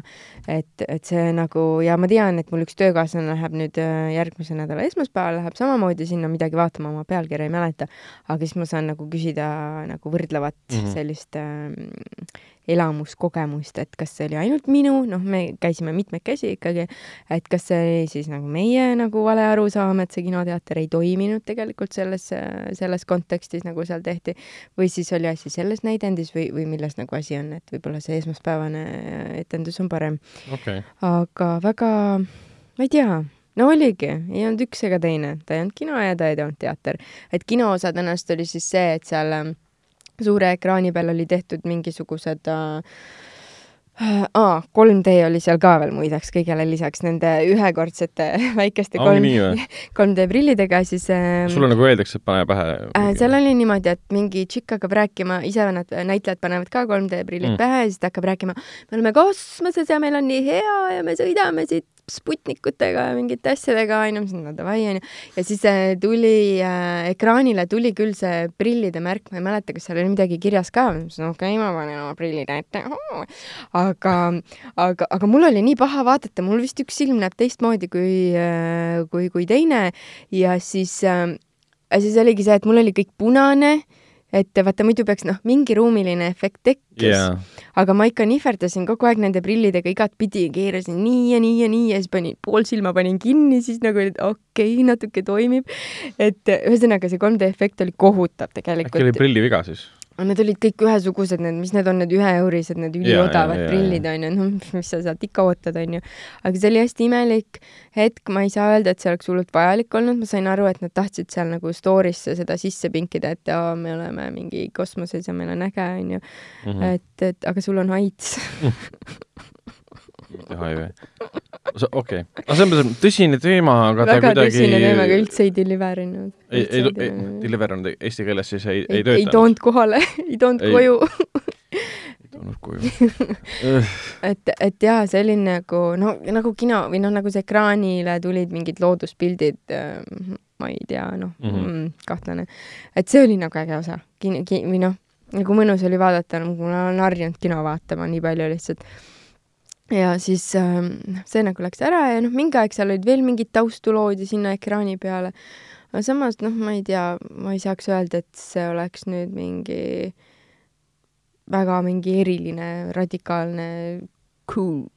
see oleks nüüd olnud see oleks ähm, pidanud olema ekstreemne ja, ja eksperimentaalne, siukene mingi. kas ta mõjus näiteks nagu mingi Von Krahli etendus või?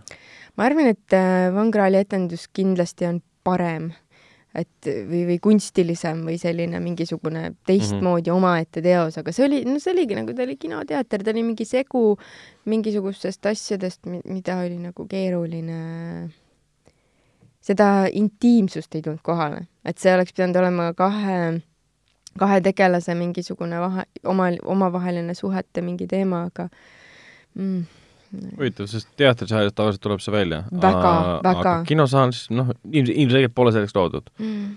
et jah, see, see oligi see väga raske, et äh, Kaja ei olnud ja ei olnud nagu kuulda Mm mm.. ühesõnaga, see on väga riski business, niisugust asja teha, et äh, ja seda vaatama minna, nii et jep. no selge ähm,, saime selle kohta ka üht-teist ähm,. enne kui, enne kui me läheme edasi, meil on veel rääkida veel tegelikult, me saame rääkida filmidest, mis tulid vahepeal kinno, mis filmid, mis on tegelikult väga ammu juba kinos, aga me lihtsalt jõudsime nendeni, pluss üks film, mis on täiesti, täiesti, täiesti uus ja alustab sel nädalal, selleks on siis äh, Mart Sandri äh, Kõhedad muinaslood, mis on siis õudus või noh, otseselt õudus, aga ütleme nii, õudusžanri äh, äh, alaliikidesse kuuluv siis antoloogiafilm äh,. muidu me räägime siis jah, siis nüüd Surprisant kolmest ja räägime ka siis äh, Nugade peal äh, ehk siis Knives Out, Rian Johnsoni uuest filmist äh,, mida me lõpuks suutsime pärast kahte nädalat koos ära vaadata, siis meil oli soov seda filmi koos minna ja lõpuks keegi seda ei vaadanud nii kaua, kuni me saime koos minna. kuni nüüd. Äh, kuni nüüd jah, ja lõpuks, lõpuks me, väike, väike õrritaja on see, et väga hea oli. Mm -hmm. aga kõigepealt me alustame, ma arvan, ikkagi kõhedate, kõhedate muinaslugudega. kõhedad muinaslood siis äh, alustas kinodes, Foorum Cinemas kinodes kolmeteistkümnendast detsembrist, mis on väga sobilik kuupäev, sest kolmteist detsember on ju reede mm -hmm. ja kolmteist ja reede äh,. Mart Sander äh, võib öelda nii, et äh, Haapsalu õudus- ja fantaasiafilmide festivalide vana kala ja patroon äh, on tegelikult nüüd siis hakkama saanud äh, tema rahvusvaheliselt tunnustatud lühifilmidest koosneva antoloogiaga. see koosneb siis neljast lühifilmist kõik nad on väga erinevad, äh, et seda hirmu pole, et justkui on ühesugused õuduslood, nad ei ole tingimata õuduslood, nad on pigem niisugused müstilised fantaasialood. žanrilood. žanrilood, õudus, õuduselementidega, et wow. vabandust, vabandust, vabandust. Et äh, inimene, kes ei ole harjunud õudusfilmidega, ei pea äh, nende lugude puhul seda kartma, et tegemist on äh, sirgjooneliste õudukatega, mis on äh, disainitud selleks, et sind ehmatada ja hirmutada, ei Mats Sander selliseid lugusid ei tee. ta teeb selliseid äh, klassik, mingi narkotik lugusid võib-olla? võib öelda küll niimoodi, aga ma tahtsin pigem öelda seda, et ta teeb selliseid mõtlema panevaid, mõtlikke äh,, intelligentseid niisuguseid äh, äh, hästi niisuguseid kirjanduslikke lugusid. see põhineb ju tema enda, sellel aastal ilmus tema samanimeline jutukogu ju. ja seda esitleti HÖFFil, kus me olime ise kohal ka. jah Eh, et kõik lood, mis muidugi seal eh, jutukogus olid, eh, ju ekraanile ei jõudnud, aga ta on aastate jooksul need neli lugu siis valmis teinud ja siis pannud kokku.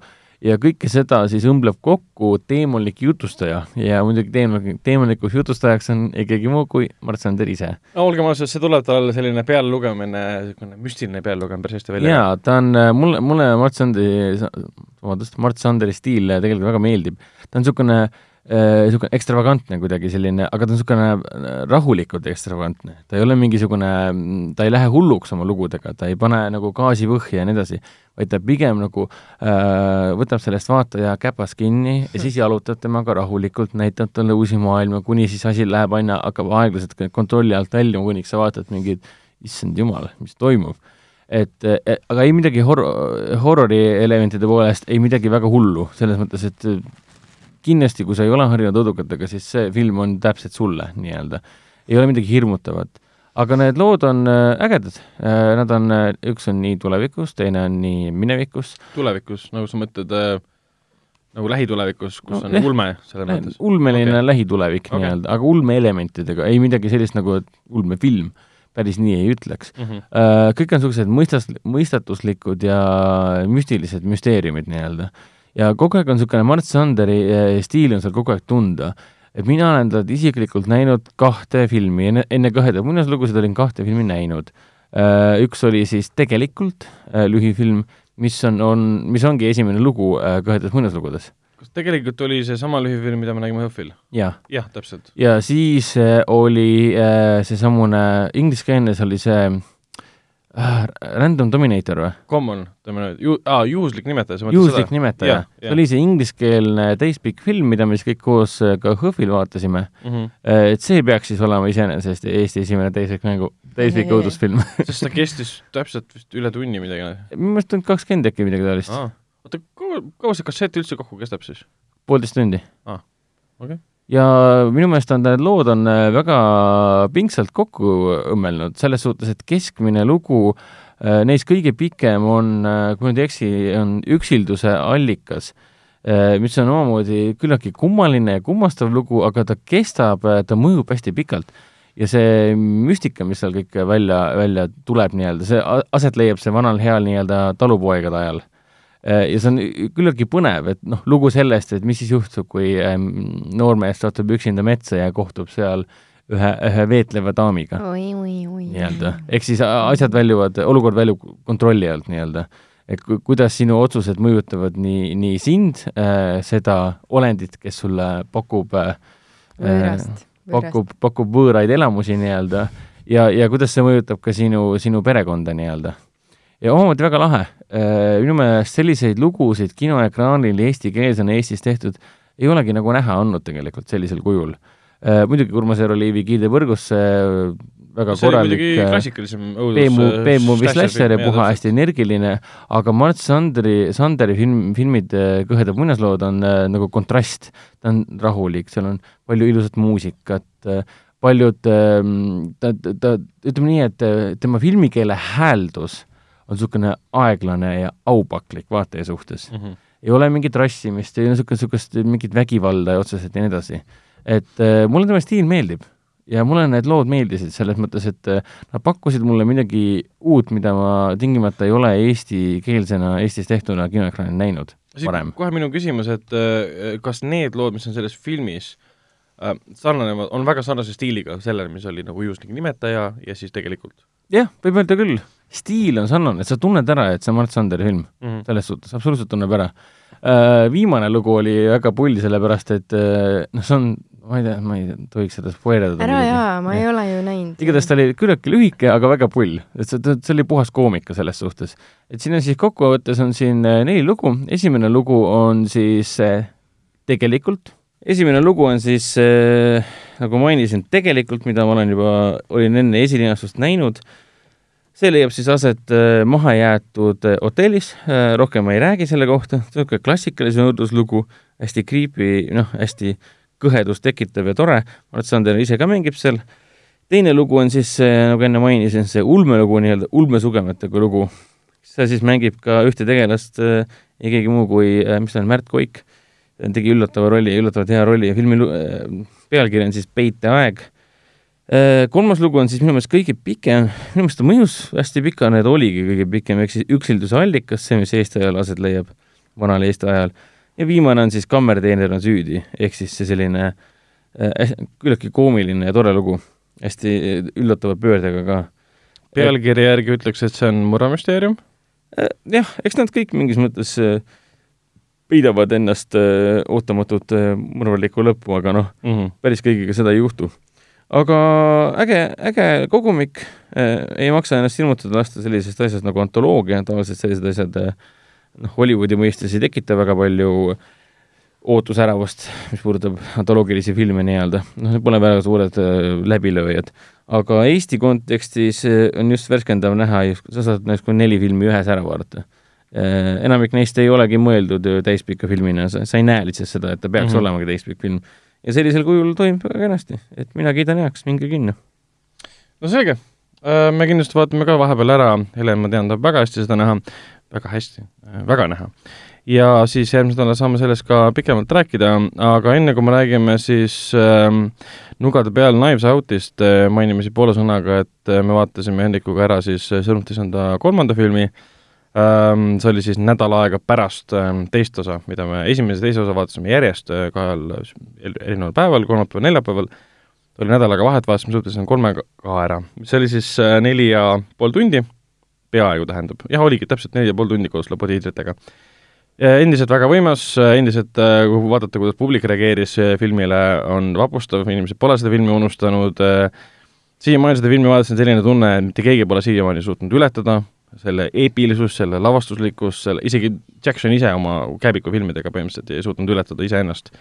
ja kui rääkida nagu eepilisest loo jutustamisest, mis puudutab nagu fantaasiamaailma ja mis iganes haildajaid ja mingeid äh, äh suuri, suuri, suuri lugusid ja mis puudutab mingeid äh, eelajaloosest ajast pärit äh, kurjust, siis see on ikka täiesti verstapost, mida ei suuda, suutnud isegi, ma ei tea, näiteks tuua troonide mäng ületada näiteks. võib-olla see Amazoni, Amazoni sõnumites enda seriaal äh, kust hiljuti üks näitleja loobus, Will Bolter. see, kes, kelle peale loodeti nagu põhiliselt, et ja. tema hakkab seda ja. kandma. kuigi, kuigi räägiti, et tegelikult teda polnud nagu kästitudki veel ah., et ta lihtsalt nagu loobus, aga see on võib-olla selline damage control jutt, et ta ja. tegelikult loobus. et võib-olla siis Amazoni seriaal suudab olla äh, veel võimsam kui äh, Jacksoni triloogia, aga kuna see on seriaal, siis ma väga ei looda, samas nad panevad esimese hooajale ühe miljardi dollari igatahes minu point on selles, et Sõrmuste isanda filmid on ajatud peaaegu, ma ütlen peaaegu sellepärast, et seal mõned efektid annavad veits ajastuda, lihtsalt toona polnud selliseid vahendeid, ma räägin siis aastast kaks tuhat üks, kaks tuhat kaks, kaks tuhat kolm. päris ammu tegelikult juba. jah, noh, esimene oli seitseteist, seitseteist aastat tagasi, selles oh, mõttes wow., et see on nagu väga pikk aeg, minu jaoks küll vähemalt mm.. ja veits annab tunda, seal on niisugused pisemad efektid äh,, mis on, sa näed, et on digitaalselt tehtud ja sa näed selliseid kohti ka, kus on nagu tegelased äh, ähm, dubleeritud nagu mitmekordselt samu tegelasi tehtud armees Aa, põhimõtteliselt, et eh, noh li, lihtsam näidata visuaalselt niimoodi, aga sa tunned nagu ära, et see on tehtud niimoodi.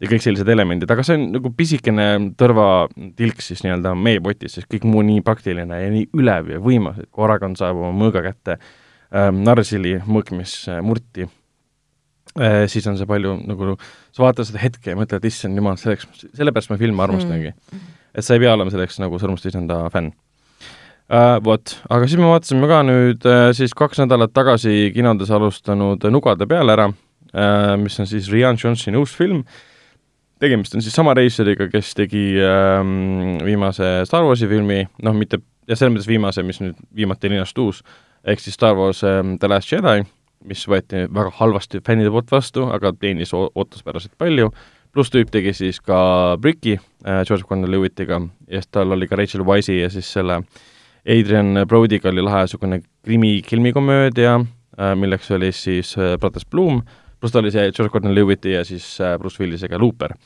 ja Nugade peal on siis põhimõtteliselt Agatha Christie stiilis film mm, -hmm. kus üks uurija, keda kehastab muidugi James Bond ise, Daniel Craig, saabub ühte majja, et uurida ühe pereisa perepea surma, sest tema arvates on kuskil seal midagi viltu, et see polegi, kõik pole nii, nagu paistab Inglise keeles oli väga hästi, ütles selle kohta I suspect a foul play. see, kuidas nagu Daniel Craig seda oma yeah mitte briti aktsendis, vaid niisugune mingi imelikus mingi Texase või lõunaosa riikide USA aktsendi moodi midagi. jah, midagi taolist jah, mis kõlab tema suust imelikult, kuna ta on sellise äh, pintsakus ja mm -hmm. väärikas uurija põhimõtteliselt mis ta nimi oli, Benoit Blanc yeah.. täiesti ideaalne BB nimi põhimõtteliselt. ja film ise, noh, selle kohta ei saa midagi spoilerdada. kui on juba nähtud, siis te teate, millest me räägime, kui ei ole nähtud, siis me ei hakka midagi spoilerdama.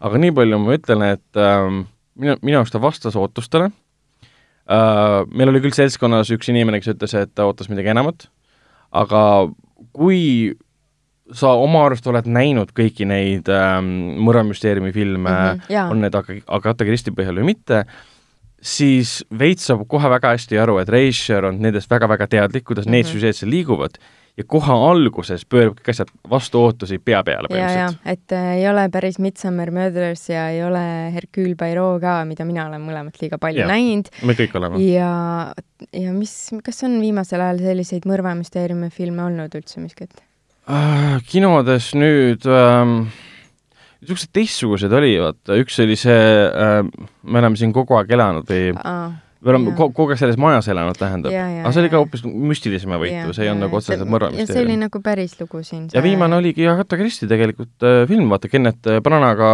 Brana, Branagh ise mängis ja, ja, ja lavastas, see oli see äh, Mõrv Ida-Ekspressis. ah jaa, see, ja, ja. noh, see oligi nagu Agatha Christie oma. jah, see oli jälle nii klassikaline. Aga see film, ta oli, ta oli ilus nägi välja. ta oli värviline kindlasti. tõesti värviline, isegi mm see, mis plakatil, posteri näiteks kinos näete, see on, film on täpselt sama värviline mm. -hmm. ja väga fantastilised kõrvaltegelased mm, -hmm. fantastilised põhitegelased, et see, kui me ütleme, et äh, peategelane on Daniel Craig'i heastatud Benoit Blanc, siis see otseselt ei vasta tõele aga me ei taha midagi otseselt välja öelda ka. ja kõik need kõrvaltegelased, kuna neile antakse aega mm, -hmm. aga aega antakse väga lihtsal viisil, intervjuu ja see oli väga huvitav võte tegelikult, et, et, et äh, näidatakse siis tegelast, siis on mingi flashback, meenutus mm -hmm. ja siis kus, kus, kus asjad nagu on või mis hetk on, mis toimub parasjagu. jah, ja kõik annavad ju oma perspektiivi sündmustest, kuna kõik puudutab siis pereisa surma, siis kõik räägivad alati ühest samast õhtust, ühest samast ja. peost, sünnipäevapeost, kus nemad olid, mida nemad nägid. see kohati läheb väga konf-, konflikti, sest mm -hmm. sulle antakse kohe mõista, et mida inimene varjab siis kui me näeme tema flashbacki, kus ta mm -hmm. selgitab, me näeme, mida ta varjab. aga siis me näeme, et ta ei ütle seda siis uurijale. aga me saame aru, et uurija on tark mm, -hmm. ta on mhm. kogu aeg teeb asjadest kõike mm, -hmm. siis ta laseb teistel inimestel valetada ja mingisuguseid võrke punuda põhimõtteliselt mm. -hmm. ja mida saab veel öelda ilma spoilimata um,? väga efektsed kaadrid on seal yeah.. Um, eriti lõpupoole tuleb üks väga võimas, võimas kaader. seal on väga palju mängitud tegelikult sellega, nagu oot-, selles mõttes planting uga nii-öelda, et mingi asi pannakse mm, -hmm. tuuakse kaadrisse, tuuakse sündmuste keskele, sellega, seda ei näpita kogu loo jooksul. ja see tuleb ühel hetkel tagasi. ehk siis tarkvaataja saab sellest kohe aru, et ahah, see tuleb ühel hetkel mängu. ja ma räägin sellest näiteks Noa kohast näiteks mm. -hmm, ja, see oli ka, see tuli tegelikult mängu, aga ma unustasin ära selle vahepeal. ja, ja mida veel selle filmi kohta võib-olla öelda, et mis ei spoilerda, ütleme nii, et Chris Evans, kapten Ameerika yeah. ise, teeb väga huvitava rolli, väga ropu rolli, mhm. sellega, no ropu võib-olla selle koha, et ta ühes stseenis, äh, kus ta siis äh, perekonnaga on koos, ropendab nende suhtes. ja meile jätakse väga kõvasti mulje, et kõik üksteist vihkavad tegelikult, see on väga sihuke ussipesa mm -hmm. perekond ja tegelikult asi pole üldse nii. et see, see pereisa tegelikult tahtis oma, oma lastele nagu head. jah, aga see- kogemata hillitas ära kõik. jaa, täpselt. ja kõik see, mis puudutab siis nagu selle, selle siis pereisa mõrva uurimist ka, võin vanduda, et mitte keegi ei tule esimesest poolt vaadates äh, seda filmi nagu vaadata selle peale. tavaliselt on mõnikord see, kus vaatad mingit klassikalist mm -hmm. korramüsteeriumit, Jah. sa oled see üks tark inimene sees, ahah, ma tean, tean. mis juhtus. tegelikult ei tea aga siin nagu ma, ma arvan, et maailmas ei ole väga palju inimesi, kes suudavad selle ära aimata mm. mm. -hmm. ja siis jällegi, see on kohe aru saada, et see on sama reisijal, kes tegi Last Jedi, kuna seal oli ka Jaa. nagu äh,, kuidas ta nagu äh, kutsus välja fänne läbi selle, et ma teen täiesti ootamatuid asju, näitan teile midagi tuttavlikut ja siis pööran kõik pea peale mm. -hmm. siin ta kohati kasutab sama asja, aga ta ei lähe sellega nagu, kuidas nüüd öelda, üle piiri. Mhm. et muidu see ühel hetkel oleks see, et sa võid ükskõik mida siis äh, filmis välja tuua, kõik läheb, pööratakse pea peale, et see pole Jaa, enam lahe siis. aga noh, vähemalt üks või kaks kohta on sellised jah, um,. nii, mida ma saan veel ah,, Daniel Craig ise vabastub, aa jah. minu arust ta on, veits ongi tunne, et kuule, aitab sellest Bondist juba mm. -hmm. õnneks see viimane Bond ongi tema viimane. ma ise mõtlesin ka, et ma ei vaadanud järgi küll, aga et kumba filmi ta enne tegi, et kas ta tegi selle enne ja siis Bondi või ta tegi samal ajal neid? vot, et minu arust äh, võisid lõpupoole kokku minna küll okei, um,, sest järgmine Bond, Surm peab ootama, läks võttesse suhteliselt hilja. see film linastus nüüd sügisel festivalidel, kui ma ei eksi. Siis mingi kattumine võis olla, aga mitte oluliselt, usun. okei, lihtsalt mõtlesin, mitte et seal vahet oleks. aga ütleme nii, et äh, kui midagi praegu kinodes vaadata peale Mart Sanderi filmi, siis kindlasti ka seda. sest ta on meelelahutuslik, ta on lõbus, ta paneb, painutab ajusid päris kõvasti mm., ta kogu aeg paneb sind sellisesse positsiooni, kus sa hakkad sõbraga võib-olla siis äh, kinosaalis äh, mõtlema ka, et äh, et sa suudad välja aimata, ära ära aimata, mis juhtub, hakkad sõbraga arutama seda, et juhtlõngad kokku panna põhimõtteliselt. ja see on nagu lahe selline, kuidas nüüd öelda, ajugümnastika, mida sa saad rakendada filmi vaadates. ja Jens Hanson on suurepärane režissöör, tema, tema kohta ei ole nagu midagi halba absoluutselt öelda. ja jah, täpselt, see ongi veider nagu sellest filmist rääkida, sest see on nagu, ei saa spoiletada. ei saa, ei saa, muidu ei, Jah. raske vaadata. muidu me saaksime nagu arutada kõike seda, et noh, mis juhtus ja kuidas see juhtus, kuidas oli film kokku monteeritud mm., kohati kuidas narratiiv segati vahepeal ära täiesti äh,, kui lahe karakter oli see vanaema, kes oli tegelikult yeah. selle mõrvatud või noh, surnud siis äh, äh, Peategelase. perepea ema Mm -hmm. kõik küsi- küsisid, kui vana ta on, keegi ei teadnud, kui vana ta on, aga ta oli väga vana. ja kõik niisugused pisikesed elemendid, sul tuuakse kõik sisse, et nagu ühtegi juhuslikku elementi ei olnud mm. -hmm. kõik läheb hiljem nagu kasutusse. vot. aga sellega said meie, meie kinofilmid läbi äh, ja nüüd lähme edasi uudiste juurde. nii, aga jätkame uudistega ja räägime sellest, et äh, vahepeal kuulutati välja Kuldgloobuste nominatsioonid ja kahjuks ei olnud nende hulgas siis ähm, Tõde ja õigust, millel oli küll võimalus siis saada äh, parima võõrkeelse filmi äh, kategooriasse, sinna ta ei pääsenud äh,, nominatsioonid siis kuulutati välja, mis ta oli, esmaspäeval ja äh, võitjad selguvad siis kuuendal jaanuaril äh,. Eesti koha pealt äh, jah, see võib-olla meie jaoks võib tähendada seda, et see film äh, Tõde ja õigus lihtsalt ei jõua ka siis äh, Oscariteni äh,. Kuueteistkümnendal detsembril peaks välja tulema siis avalikkuse ette see shortlist, mis on siis selline kümnest või kahekümnest filmist koosnev nimekiri, mille hulgast omakorda valitakse siis viis, mis jõuavad siis Oscarite, mis nüüd kannab nime siis parim äh, rahvusvaheline film, mitte enam võõrkeelne film. ja see selgub siis kolmeteistkümnendal jaanuaril. ehk siis kuueteistkümnendal jaanuaril saame teada, kas me üldse shortlisti jõuame, kolmteist jaanuar selgub, kuusteist detsember tähendab siis, ja kolmteist jaanuar selgub see, kas me saame üldse nominatsiooni. ütleme nii, et märgid ei ole nagu head. Ja filmi kahjuks võib-olla räägib see, et seda on, ta on vähe linastunud, ta küll novembris hakati filmi näitama tõesti USA läänerannikul siis äh, Ameerika Filmakadeemia liikmetele, mis tähendab, et nemad on juba filmi näinud, aga kuna filmifestivali levi oli väga väike, Mm -hmm. et ta nüüd oktoobris linastus siis Lõuna-Koreas Busani filmifestivalil, nüüd siis novembri lõpust oli ta ka siis muidugi PÖFFil, aga enne veebruari esilinastust Eestis ja vahepeal, mis läks seitse kuud mööda põhimõtteliselt, ta ei linastunud mitte kuskil. ja selle aja jooksul, kui film oleks igal pool linastunud, ükskõik mis festivali tegelikult, me ei räägi siin suurte, suurematest ainult, see oleks saanud kõmu, ta oleks saanud pressi inglisekeelne ajakirjandus, inglisekeelsed arvustused, mis iganes. sest äh, praegu ta ju võistleb põhimõtteliselt võõrkeelsete osakonnast Parasiidiga. jah, jah, sest noh, täpselt hea, et sa Parasiiti mainisid, sest äh, olgem ausad äh,, sellel aastal võidab äh, Parasiit Jah. äh,, Bong Joon-ho film, mis kandideerib ka siis ka Kuldgloobusele ja kõik ennustaja praegu panustab sada protsenti sellele, et see film ka võidab, pluss ta hakkab tõenäoliselt kandideerima ka siis ka parima filmi Oscarile ja tõenäoliselt ka parima režissööri Oscarile, et see pole muidugi esmakordne, seda on varem ka juhtunud, et sul on üks ja sama film kandideerib võõrkeelse Rooma eelmisel aastal, noh, sellel aastal toimus Oscaridega eelmise aasta filmid siis, oli samamoodi, kandideeris parimale režissöörile, filmile ja siis ka parima võõrkeelsele. aga võõrkeelse filmi siis, kes said Kuldgloobuse, on siis The Farewell, mis on siis Lulu Wängi film, mis on tegelikult Ameerika film, aga ta on hiinakeelne põhimõtteliselt ja leiab aset Hiinas.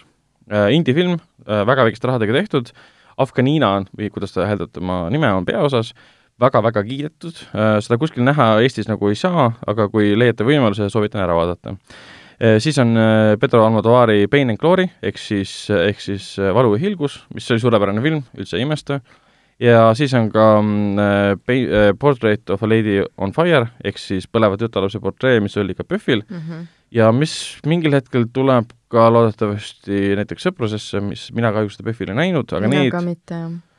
väga kahju, sest kõik need kriitikud, kes seda nägid Eestis, ütlesid, et see on tõesti aasta parim film um,. Siis muidugi Parasiit ja siis ka Hüljatud uh,, Les Miserables. see oli see, mis me Cannes'is vaatasime, on ju ja täpselt mm? -hmm.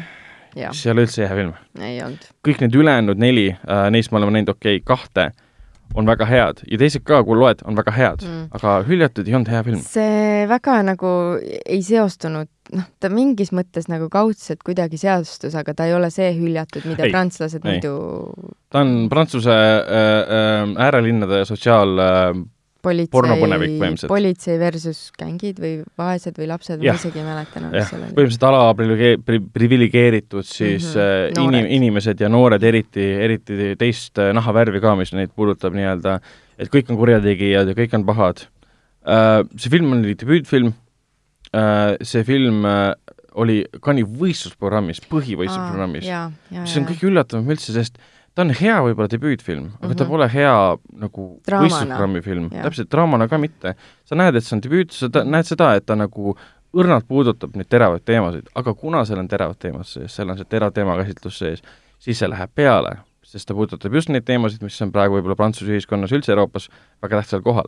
aga see nagu veits varjutab ära selle, et nagu filmikunsti tükina ta ei ole midagi silmapaistvat või vapustavat. jaa, ei, midagi legendaarset kindlasti mitte. ja kui me räägime nagu aasta parimatest filmidest, üldse aasta parimatest võõrkeelse filmidest, siis nagu see peaks olema vapustav um,. Kuldgloobuste osas ma võib-olla tooksin välja nii palju, et ma ei hakka siin kõik neid teleseriaale mainima uh,. näiteks filmimuusika osas kandideerib Motherless Brooklyn, Little Women, Jokker tuhat üheksasada seitseteist ja siis abielulugu ehk siis Marriage Story uh, parim stsenaarium valiti siis äh, Marriage Story, Parasiit, The Two Popes, mis tuleb varsti Netflixi, ükskord Hollywoodis ja muidugi juba mainitud äh, The Irishman.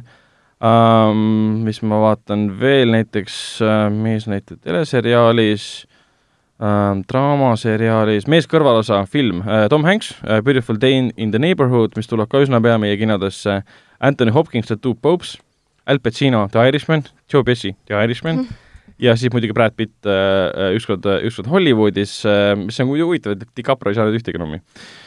või noh, ühte nommi tähendab oma, tema oli siis nagu peaosas siiski äh,. naiskõrvalosa Cat, Cathy Bates äh, Richard Jewelli eest, mis on siis äh, Clint Eastwoodi uus film, mis on praegu väga suure tule all ähm, selle koha pealt, ma ei mäleta, mis selle äh, ajakirjandus, selle ajalehe nimi oli, mis film praegu ähvardab kohtusse kaevata Hmm. aga point on selles, et filmis kujutatakse ühte ajakirjanikku, kes siis äh, pakub äh, võimalikule infoallikale sõna otseses mõttes äh, seksuaalseid teeneid, et saada infot. mis ei vasta absoluutselt reaalsusele. ja sellepärast ajaleht, kelle siis ajakirjanikku kujutatakse, ähvardabki filmitegijaid kohtusse kaevata Mm. sest tegelikkuses see ajakirjanik oli suhtes selle inimesega ja filmis kujutatakse okay. lihtsalt äh, reaalsus hoopis teistmoodi ja Oli-, Olivia Wilde mängib siis filmis seda ajakirjanikku uh,. Anett Penning kandideerib siis The Reporti eest, millest ma rääkisin ka siis kas eelmises või üle-eelmises saates, mis on Amazonis praegu olemas täiesti. Laura Dern tuleb välja, et mängib Marriage Story's uh,, kandideerib Huh. uh, Jennifer Lopez Hustlers ehk siis seksikad äh, sulid ja Margot Robbie siis Bombshell ehk siis pommuudis uh,. komöödiate osas meesnäitleja Daniel Craig kandideerib siis Knives Outi eest uh,, Roman Griffin Davis kandideerib siis uh, Jojo Rabbiti eest, ehk siis on Jojo Rabbiti peategelane poisike. aa, õigus, ma ajasin siin segamini, DiCaprio siiski kandideerib peaosa eest mis puudutab siis ükskord Hollywoodis. Taron Egerton muidugi Rocketmani eest ja Eddie Murphy äh, Dolemite is my name, mis on praegu siis äh, Netflixis äh,. parim režissöör äh, on siis Parasiit, Sam Mendesi uus film tuhat üheksasada seitseteist, Jokker, The Irishman ja Ükskord Hollywoodis äh,. Parim meesnäitleja Kristen Bale, Ford, Ford versus Ferrari, Antonio Banderas äh,, see on siis äh, Valu ja hiilgus, Adam Driver, Marriage Story, Joaquin Phoenix, Jokker ja Jonathan Price, The Two Popes. The Two Popes tundub olevat äh, täiesti äh, kuidas nüüd öelda, ootamatu tegija auhinna hooajal. kuigi see reisijal on väga populaarne ja tuntud ja ta, Fernando Meirelles ju, tema tegi ju selle tsitaadiates Deusi, City of God, mida me kõik filmikoolis äh, monteerimisklassis alati vaatasime jaa. lõp-, lõputult. Äh, ma mainin veel ära võib-olla siis naisnäitleja Dafka-Niina äh, juba The Farewelli eest, Anna de Armas äh, Knives Out'i eest, mis on, vihjab Jaa. praegu ära, et mis filmis toimuma hakkab äh,. Kate Blanchett, Where'd you go äh,, Bernadette, kuhu sa kadusid, Bernadette, mis oli meie kinodes natukene aega, maailmas seda üldse väga hästi vastu ei võetud äh,. Beanie Feldstein Booksmarti eest, mis on see Olivia Wilde'i lavastatud film ja Emma Thompson äh, Late Night, mis on praegu siis olemas Telia HBO-s vot äh,, neid nominatsioone siin palju veel äh,, aga noh, olgem ausad, me kõik ei ole näinud neid äh, seriaale mm., mis ette on toodud aga Eesti osas jah, loodame parimat, aga kuueteistkümnenda novembri, detsembri kaudu ka- kand-, kanti me saame sellest kõigest teada, mis selles filmis saab. mainime veel ära, et ähm, selline režissöör nagu Makoto Shinkai, kes on Jaapani animerežissöör, tema uus film äh, äh, Wet-, Weathering with you äh,, mille eestikeelne pealkiri oli Henrik, mis see oli? tüdruk, kes muutis ilma. täpselt. jõuab meieni siis kahekümnendal detsembril, see on Shinkai esimene film, mis jõuab siis äh, meie kinolevisse. kuigi tema eelmine film Sinu nimi, Your Name oli siis äh, Jaapanis kõigi aegade enim vaadatumaid filme, kõige populaarsemaid filme, üks enim teenivaid filme ja ma ei mäleta, kas ta päriselt nagu tõukas, jaa, tõukas Äh, uh,, Weathering with you juba tõukas Ahah. uh, Your Name'i ära ka, tõukas jah? jah. ahah, Jaapani täpselt., Jaapanis ainuüksi siis. ehk siis äh, w- Weathering with you äh, oli ta- äh, veelgi populaarsem kui Your Name ja see film jõuab ka meieni ja kõik, kes vähegi austavad Makoto Shinkai loomingut, tal on väga palju häid filme tehtud, osad on natukene, mis on fantaasia poole, sarnased võib-olla Miyazaki loomingule, aga olgem ausad, Miyazaki on kogu äh, maailma animatsiooniga mõjutanud äh,. vahepeal tuli ka välja, issand, vahepeal tuli välja ka siis äh, talvetreiler, ma ei tea, kas te seda vaatasite, Ehm, see on siis Oskar, Oskar Lutsu, väidetavalt Oskar Lutsu kirjutatud romaani põhjal valmiv film, mis jõuab meieni siis veebruaris, seitsmendal veebruaril siis täpsemalt. Treiler tundus tore, et Teele on tagasi ja, ja paljud tuntud näod on, on tagasi. talvet ennast ma lugenud ei ole, et eh, ma, ma ei oska, oska sellest filmist nagu midagi, midagi oodata, aga ta nägi kena välja, ta nägi selline ilus Eesti film nii-öelda. tundus, et seal on väga positiivsed tegelased, positiivsed sündmused, ei ole sellist äh, kuidas nüüd öelda, tõsiseks muudetud või süngeks muudetud äh, äh, filmi. aga kas ta tuleb temast parem kui Krusementi loodu, ma ei ole üldse kindel äh,. Võib-olla mainiks veel Eesti suhtes seda, et äh, Karv Oskar Lehemaa, kes käis hiljuti meil siin, noh mitte hiljuti muidugi, aga noh, käis alles meil siin saates äh, äh, koos Mikk Mäega rääkimas Vanamehe filmist, kuna nemad olid äh, siis äh, koos selle filmi lavastasid äh,. Oskar Lehemaa oli tema e- eelmine siis selline film, lühifilm oli siis õudusfilm Karv, mida me nägime siis äh, HÖFFil ja see nüüd äh, tuleb välja, valiti siis Sundance'i äh, lühifilmide võistlusprogrammi, mis on väga võimas saavutus, arvestades seda, et sinna saadeti üle kümne tuhande erineva lühifilmi. ja Sundance vaatas seda filmi, nende žürii vaatas seda filmi otsustas, et see on nüüd see, mida me võtame mm.. see on ülitore uudis ja ma arvan, et suurim pluss sellel filmil vist oli see, et seal ei olnud teksti. ma ei mäleta, kas oli natukene või ei olnud üldse. ainuke tekst minu arust oli seal lihtsalt pudeli peal, kui ta võttis yeah. pudeli kätte, kuna ta, ta, ostis endale või sai endale pudeli, tähendab, mis tekitab karvakasvu mm. -hmm. ja ainuke tekst, mida me kogu filmi peal nägime, oligi pudeli peal õpetus Aa, okay.. oli kõik minu arust. ja see on, ma arvan, et see tegi filmile suure plussi positiivse sellise. jaa, et seal tegelikult tekst oleks jumala üle, üle liigenud täiesti, see film oli täiesti arusaadav mm. Mhm. -hmm. iga kaader rääkis, iga pilk rääkis ja noh, näitlejad olid näitleja tähendab, oli suurepärane. ja sellest filmist võiks kasvada isegi mingi suurem äh, täispikk õudusfilm veel äkki. kindlasti, kindlasti. et noh, peategelane võiks kohe alguses selle, kaua ta kestis, umbes üle, üle kümne minuti mm, Mhm. -hmm. kohe alguses võiks muutuda selleks äh, väike spoiler, noh, keegi ei näe seda niikuinii. ei, aga äkki see tuleb kuskil platvormil, mis meil Igatahes- on nüüd siin ju. temaga juhtub miski, aga äkki tuleb täispikk film, kus ta on see miski ja hakkab inimesi jälitama Hmm. näiteks. annab põhjenduse, kuidas sündis äh,, kuidas sündis lumeinimene näiteks äh,. Vot äh,, muidugi me siin jah, peaksime seda mainima ka, et siin äh, nüüd oli, millal see nüüd oli, pühapäeval äh,, ei, laupäeval, jah, laupäeval, eelmise nädala laupäeval, lahkus meie hulgast siis äh, mandariinide režissöör Shasha Urusase äh,, kuidas või mis asjaolud, võivad inimesed ise uurida, aga tema oli jah, see äh, režissöör, kes teie, tegi siis äh, Lemmi Tulsakuga, kes on ka meie hulgast lahkunud, äh, Mandariinid, mis võit-, kandideeris nii siis parima võõrkeelse filmi Kuldgloobusele kui ka siis Oscarile, et on esimene siis üldse film, mis on Eestiga seotud, mis jõudis nii kaugele aga tema film Anton, mis, mis on ka tegelikult juba, ma vaatasin mitu kuud tagasi, alustas nii USA-s kui ka siis Euroopas erinevate festivalidel linastumist. mina ei ole näiteks üldse kuulnud sellest. Antonist. Eestist. ei olegi, sest ta ongi täiesti praegu, teda müüakse ainult ah,. tal okay, olid näiteks okay. Berliinis, tal olid turulinastused, kus mm. on näidata ainult inimestele, kes filmi siis nagu levisse võtaksid ja müüksid seda edasi või levitaksid seda edasi. ja praegu tal on tehtud jah, USA-s nagu linastusi, mis ei ole nagu laialevi linastused mm., vaid lihtsalt jällegi turulinastused okay Äh, film tundub äge, aga noh, ma arvan, et see on imelik öelda, aga tänu sellele äh, kohutavale sündmusele see ilmselt jõuab meile ka mm., et saame ikkagi Sasha viimaseks jäänud siis filmi ära näha ka äh,. Ryan Reynolds äh,, temast me räägime tänases saates vähemalt kaks korda äh,, üks põhjus on kindlasti see, et Netflixi jõudis tema uus film äh, Six Underground, mis on siis Michael Bay uus film äh,, mis on siis ne-, omakorda Netflixi üks kallimaid filme peale see Irishmani äh,, mis põhimõtteliselt to totaalne, tohutult võimas äh, äh plahvatus ja täis action film, sest see on Michael Bay. aga Ryan Reynolds on täiesti nagu, kuidas nüüd öelda, totaalses äh,, tal on nagu käik põhjas, gaas põhjas äh,. ja tema uus film on varsti tulemas, selle nimi on Vaba mees, ehk siis Free Guy, ja see film on põhimõtteliselt videomängust hmm. kuidas okay. äh, videomängu tegelane, keda juhib äh, ai ehk siis tehisintellekt, kes on see tavapärane non-player character, keda sa näed videomängus kuskil taustas oma äh, sisse kodeeritud, sisse programmeeritud tegevusi tegemas, avastab ühel hetkel, et ta on videomängus oh. ja, ja tema ümber jooksevad ringi äh, reaalsed mängijad. ja ta avastab, et ta peab sellest mängust põgenema, sest mängu tegijad tahavad selle kinni panna ehk siis see treiler on täiesti fantastiline minu arust, et see võtab nii hästi kokku selle, et kui sa mängid näiteks, oled kunagi mänginud GTA-d ja mängid seal, oled ise mängija seal sees, jooksed ringi, hävitad kõike, kõike hävitab, mida sa teha tahad absoluutselt, ja siis sa näed, kuidas need äh, arvutijuhid siis äh, tegelased seal ringi jooksevad sinu eest. aga kujuta ette, siis üks see tegelane, kes on arvutijuhitud, kelle mõistus puudub, omandab mõistuse hmm.. ja kuna see on totaalne märulikomöödia, siis treileri põhjal tundus äh, väga, väga äge.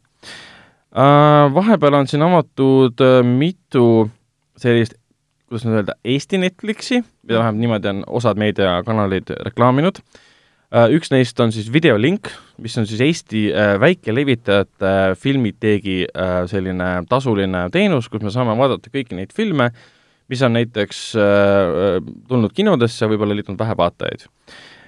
Ja teine on siis netikino, kus me saame näha Eesti filme. praegu on seal, vaatasin viiskümmend filmi ja iga siis nädal lisanduvad uued filmid, ehk siis me saame seal vaadata uuemaid ja vanemaid Eesti filme, et noh, praegu on võib-olla see, ERR-i kodukal kõiki pole ja mujalt võib-olla ei taha osta või ei taha Telia mingit kasutajaks sellepärast saada, et, et noh, sa saaks vaadata sangareid või vanamehe filmi või mm -hmm. äh, uut lootefilmi näiteks, siis on olemas selleks netikino. ja videolink ise on ka väga kasulik, sest noh, A1 Estonia näiteks äh, levitaja on, toob väga tänuväärseid filme sisse, aga noh, neid vaadatakse vähe. aga nüüd on see võimalus, et tuleb näiteks pool aastat hiljem siis otse veebi ja vaatad sealt.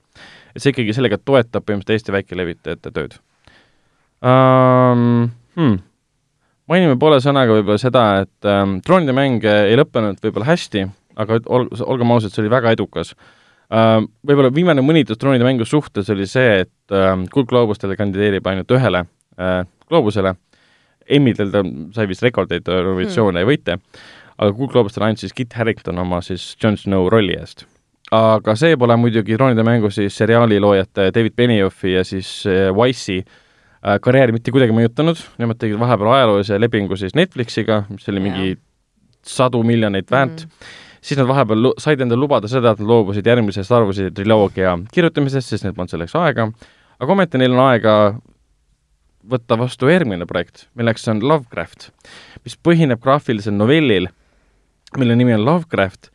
Ja see, see räägib sõna otseses mõttes sellest, et mis oleks, kui, kui H.P. Lovecraft ei kirjutanud äh, ilukirjandust. vaid tõde, jah? jah, et kõik need asjad, mis on tema äh, äh, lugudes olnud, need õudused, Cthulhu, kõik jah. on olnud päriselt. aa, okei okay., väga Ehk huvitav. ehk siis see seriaal või film, selle kohta on väga vähe detaile teada, põhimõtteliselt hakkabki sellest rääkima, kuna see graafiline novell sellest ka räägib, et äh, ta, ta põhimõtteliselt pani üles, mida ta koges igapäevaselt. jah, et kõik jaa, need, aga samas on see paras pettumus, et nad lihtsalt Lovecrafti ei adapteeri no ilmselt oli see pakkumine. Lovecraft on ikka nii palju asju kirjutanud ja siis selle asemel, et Lovecrafti otseselt nagu ekraniseerida, nad võtavad kellegi teise raamatu, kes kirjutas Lovecraftist no. samas seda nad on kogu aeg oma karjääriks, karjääriks ka teinud. et see, noh, Wise ja siis, tähendab, ja Wise mida, vahe, oota, ma ei saanud praegu aru, mis see tähendas? võtnud kellegi teise materjali selle põhjal teinud. et nad tahtsid siis vaheldust või? et nad ei taha mitte autori materjali teha, vaid nad tahavad, et keegi kirjutaks Kellegi- kellegi... autorist ja nemad kirjutavad selle põhjal, mida keegi on kirjutanud kellegi autorist. teise nägemus äh, kellegi teise tööst. Met-, metaekraniseering. et noh, neil äh, noh, nad vahepeal sattusid kuuma, kuuma tule kätte või kuuma vete, vee kätte selle, tänu sellele, et nad esinesid ühel stsenaristide siis sellisel konverentsil, kus nad sõna otseses mõttes ütlesid välja, et me ei pannud õrna aimugi ei stsenaristikast, seriaali loomisest, filmi loomisest, mitte midagi, kui nad hakkasid rullimängu tegema. et et- põhimõtteliselt lihtsalt we winged it. lihtsalt nagu võtsime lihtsalt nii, tulistasime nii, kuidas tuli. ja tegelikult noh, neil õnnestus see, sest Jaa. esimesed seitse, noh, kuus hooaega oli tegelikult stsenaristiliselt, lavastuslikult, dramaturgiliselt väga võimsad. sest ühel hetkel said aru, et siis, kui neil pole enam materjali mm. -hmm. mille najal teha aa, siis on null, jah? totaalne fail. Ja noh, paljud ütlevad selle Lovecrafti siis selle seriaali või siis selle filmi idee peale ka, et keegi ei taha, et nemad midagi üldse teevad Mm. aga tõenäoliselt, kuna Deadline, kes selle info avaldas, ei avaldanud seda, et kes seda teeb, kes seda produtseerib otseselt, no produtsent oli teada äh,, issand, juba läks meelest ära. Karin Kussamaa, Destroyeri loostaja. jah, Destroyeri hävitaja, üks äh, reisijal siis, kes tegi ka Invitationi, tema on siis selle produtsent.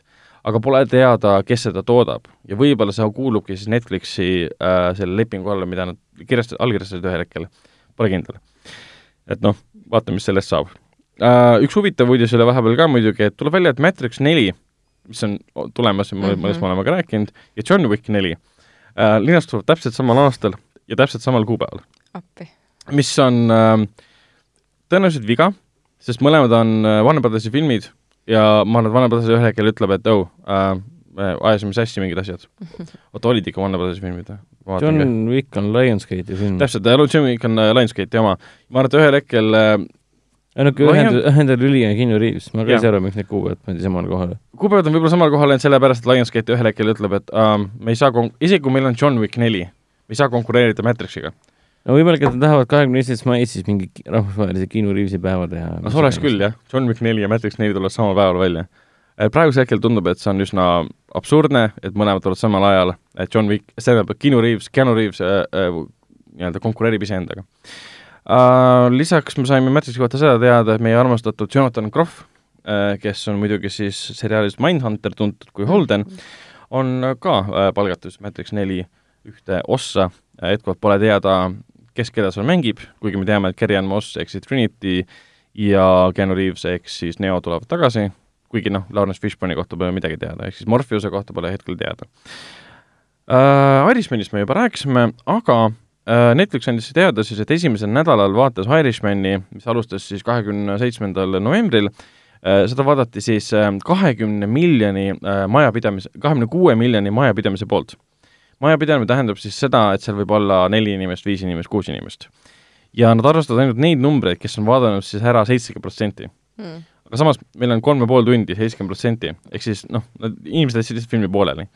aga see on päris võimas saavutus, kakskümmend kuus miljonit nädalaga, ehk siis kuidas kino oleks tulnud, keegi poleks seda vaadanud nii palju. aga ma ei tea, mis see rahaliselt nende jaoks tähendab, sest see on müstika, sest Netflix lubas küll, me rääkisime sellest vist eelmises saates ka, et uuest aastast nad hakkavad rohkem infot avaldama, siis seni on see, nad avaldavad seda infot, mis on neile hea, mis annab neile head pressi ja noh, mis on loogiline ka. sest noh, aktsiad vajavad äh, toetamist ja kõike seda ähm,. Tarantinost me oleme poole sõnaga rääkinud seoses siis äh, ükskord Hollywoodis äh, liina- äh, nende äh, nominatsioonidega äh, kuldgloobustel, aga tal hiljuti ühes intervjuus andis siis mõista, et äh, ta sai hiljuti äh, Jaapani restoranis, väga sobivalt äh,, kokku siis Umo Tormaniga, kus nad arutasid Kill Bill kolme Hmm. ja tuleb välja, et tal on see idee täiesti olemas. et teha Kill Bill kolm ja miks ta selle nii kaua polnud teinud, oli see, et ta polnud suutnud äh, nagu välja mõelda kuidas minna Kill Bill kahe lõpust edasi Kill Bill kolme peale. ja nüüd tuleb välja, et tal on see olemas. aga kuna tal on plaanis mingi viieosaline seriaal või siis mingi teatrilavastus, keegi täpselt ei tea, siis keegi ei tea, millal see Kill Bill kolmega võib tulla, aga põhimõtteliselt äh, see tähendab nagu seda, et tema jutt, et ma teen kümme filmi ja lõpetan, ei vasta tõele mm. kui ta vahepeal teeb midagi muu, muu filmi näiteks, siis tuleb Kill Bill kolm, et see on, see jutt, et ta praegu räägib, et ma hakkan Kill Bill kolme tegema, vihjab sellele, et tema jutt, et kümme filmi ja kõik, ei vasta tõele. aga no vaatame, ta võib, ta on Tarantino, ta võib endale kõike, kõike lubada, sest äh, ükskõik, mida me ka tegelikult ükskord Hollywoodist arvasime, see on üks tema edukamaid filme Uh, ja viimasena räägime uuest uuest tondipüüdjatest nimelt vahepeal tuli välja siis tondipüüdjad või noh, Ghostbusters Afterlife treiler, mis on siis kolmas osa uh, uh, Ivan Reitmani lavastatud siis filmidele, mis tulid siis kaheksakümmend seitse, kaheksakümmend üheksa, mõlemad on kusjuures praegu Netflixis.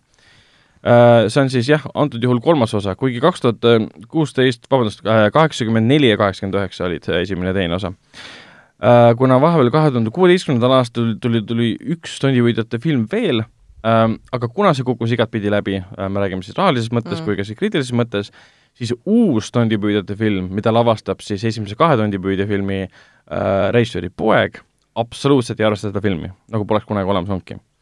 Ja see film siis leiab põhimõtteliselt aset äh, kolmkümmend aastat äh, pärast äh, teist osa, seal on peaosad lapsed äh,, nii nagu noh lastefilm siis, jah? ta ei ole lastefilm, ta on väga-väga tõsine treiler. Okay.. et äh, lapsed ühel hetkel avastavad, üks lastest avastab, üht, ühte neist mängib seesama kes mängis ka Itis, ehk siis see ja siis muidugi ka selles ähm, Stranger Thingsis. Üks laps avastab, et mis on tema perekonna nagu saladus ja minevik, kes on tema vanaisa. Ja tuleb välja, et tema vanaisa oli tondipüüdja. Kolmkümmend aastat tagasi.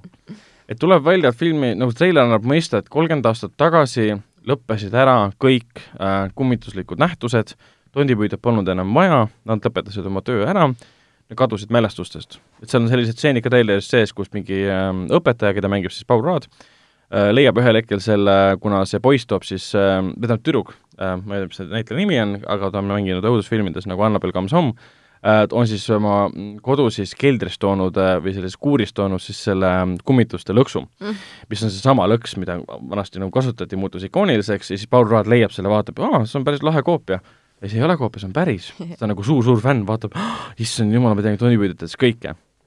Ehk siis siin on veits selline Force Awakensi, Star Wars Force Awakensi teema ehk siis kolmkümmend aastat taaskord möödas, kõik on ära unustanud jõu, kõik on ära unustanud äh, tondipüüdjad ja siis lapsed, noored on need, kes avastavad tondipüüdjad uuesti, sest tuleb taas tagasi äh, üks kurjus, kes mulle tundub, et on sama, kes oli esimeses filmis. ehk siis see Gozer e,. kuna seal oli see, et äh, Gozer äh,? jah, oli Gozer, jah. Suul oli ju suur oli üks, teine oli Gauser ja nii edasi, Gatekeeper ja Keymaker ja nii edasi. Okay.. point oli selles, et iidne, esimeses filmis tuli iidne Sumeri jumal, keda siis kunagi kummardati, tuli siis New Yorgist tagasi, et maailma hävitada, siis tundipüüdjad peatasite. ja kuna uuest treilerist astub üles äh, samasugune väga sarnase disainiga, vähemalt jala poolest me näeme käpajälgi, järgi siis esimeses osas üles astunud äh, selline koletis, siis see vihjab sellele, et see esimese osa pahatik tuleb tagasi nüüd siis kolmandas filmis ehk siis nad ei tee nagu järge selles, et lapsed hakkavad tondipüüdjateks, vaid lapsed võtavad üle siis kohustuse taas uuesti peatada sama kurjus, keda nende siis äh, eeskujud või siis vanaisa kunagi peatas.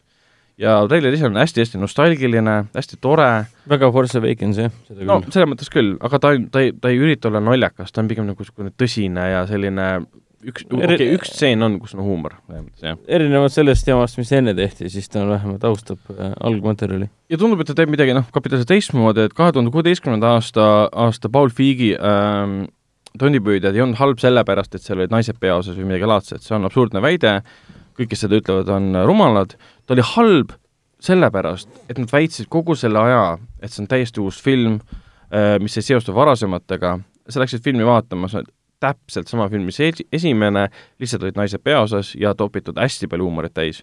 aga see polnud kunagi selle tondipüüdjate eesmärk. tondipüüdjate, mis see lugu rääkis? see rääkis äri alustamisest. tüübid olid lihtsalt kõigest ilma jäänud, nad tegid seda, mida nad oskasid, hakkasid äri pidama. pool, üle poole filmi on selle, kuidas tüübid teevad äri. ja siis tuleb üks jumala hävitavad ära. ja kogu aeg teevad selle üle nalja. et filmil on selline väga niisugune nihilistlik suhtumine, kuidas öelda, loosse. Et seal Bill Murray tegelaskuju teeb kõigele nalja. Nad saavad ühel hetkel teada, et tuleb Sumeri jumal kuskilt iidsetest aegadest maailma hävitama ja Bill Murray mingi teeb lihtsalt nalja selle peale. keegi ei võta midagi tõsiselt. seal on selline niisugune lahe suhtumine, aga mida nagu see uus kaks tuhat kuusteist film tegi, võttis kõiki surm tõsiselt, ehk siis saadi väga valesti aru, mida äh,, mida, mida tahtis teha põhimõtteliselt siis äh, tondipüüdjate filmid. vot, aga sellega said meil uudised, uudised läbi äh,, mainime ka nädalavahetuse top kolme, see oli siis äh, perioodil kuuendast äh, detsembrist äh, kaheksanda detsembrini, esimesel kohal oli siis Jumanji järgmine tase, mis on olnud küllaltki edukas ja küllaltki hästi vastu võetud, siis eelmised jõulud Emilia Clarke'iga, mis on olnud küllaltki edukas, kohutavalt vastu võetud, ja siis ka Adamsite suguvõsa, mis on olnud küllaltki edukas äh, igas mõttes äh,, teine osa on juba töös.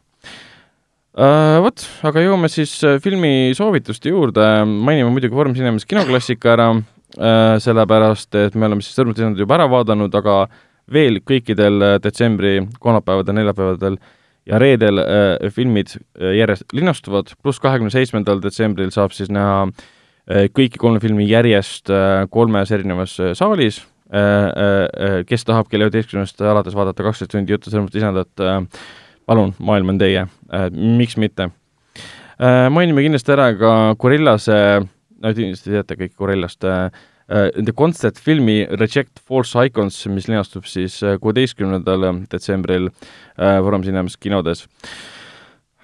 Kinodes sel nädalal alustavad siis Rubljoka Võmm uusaasta mürgel kaks, mis on klassikaline jõulu uusaasta aegseks ajaks välja antud komöödia ja muidugi juba räägitud, juba arutatud äh, kõhedad muinaslood.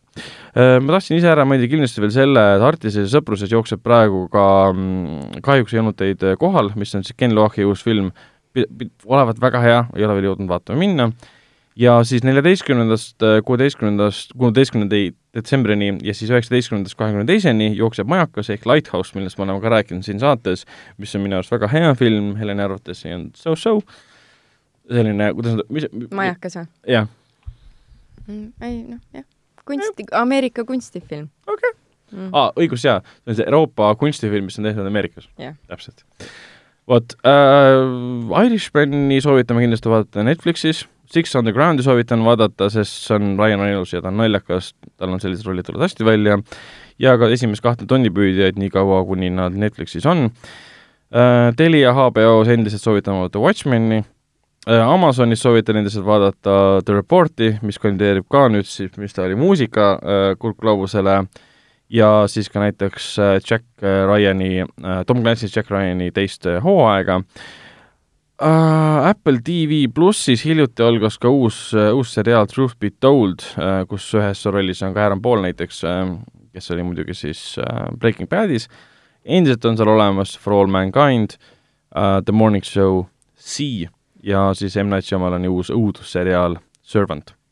vot, aga sellega saamegi siis äh, saate, saateks äh, lugeda ja kohtume juba järgmisel, äh, järgmises saates, kus me paneme paika oma aasta parimad filmid, ma pole veel otsustanud, mida me paneme, kas top kakskümmend või top viisteist, top kümme tundub normaalne mm, -hmm. muidu läheb liiga paljuks, me hakkame mingi top viiskümmend liiga pikk. täpselt, et muidu on see, et kõik lemmikfilmid kirja, mis on vähegi natukenegi meeldisid, pigem nagu see peab olema selline, et higi hakkab voolama ja, ja murekorst tekib otsa ette, pead mm -hmm. mõtlema, et milline neist oli siis päriselt hea film ka. vot, aga jah, tšau! järgmise korrani! tšau!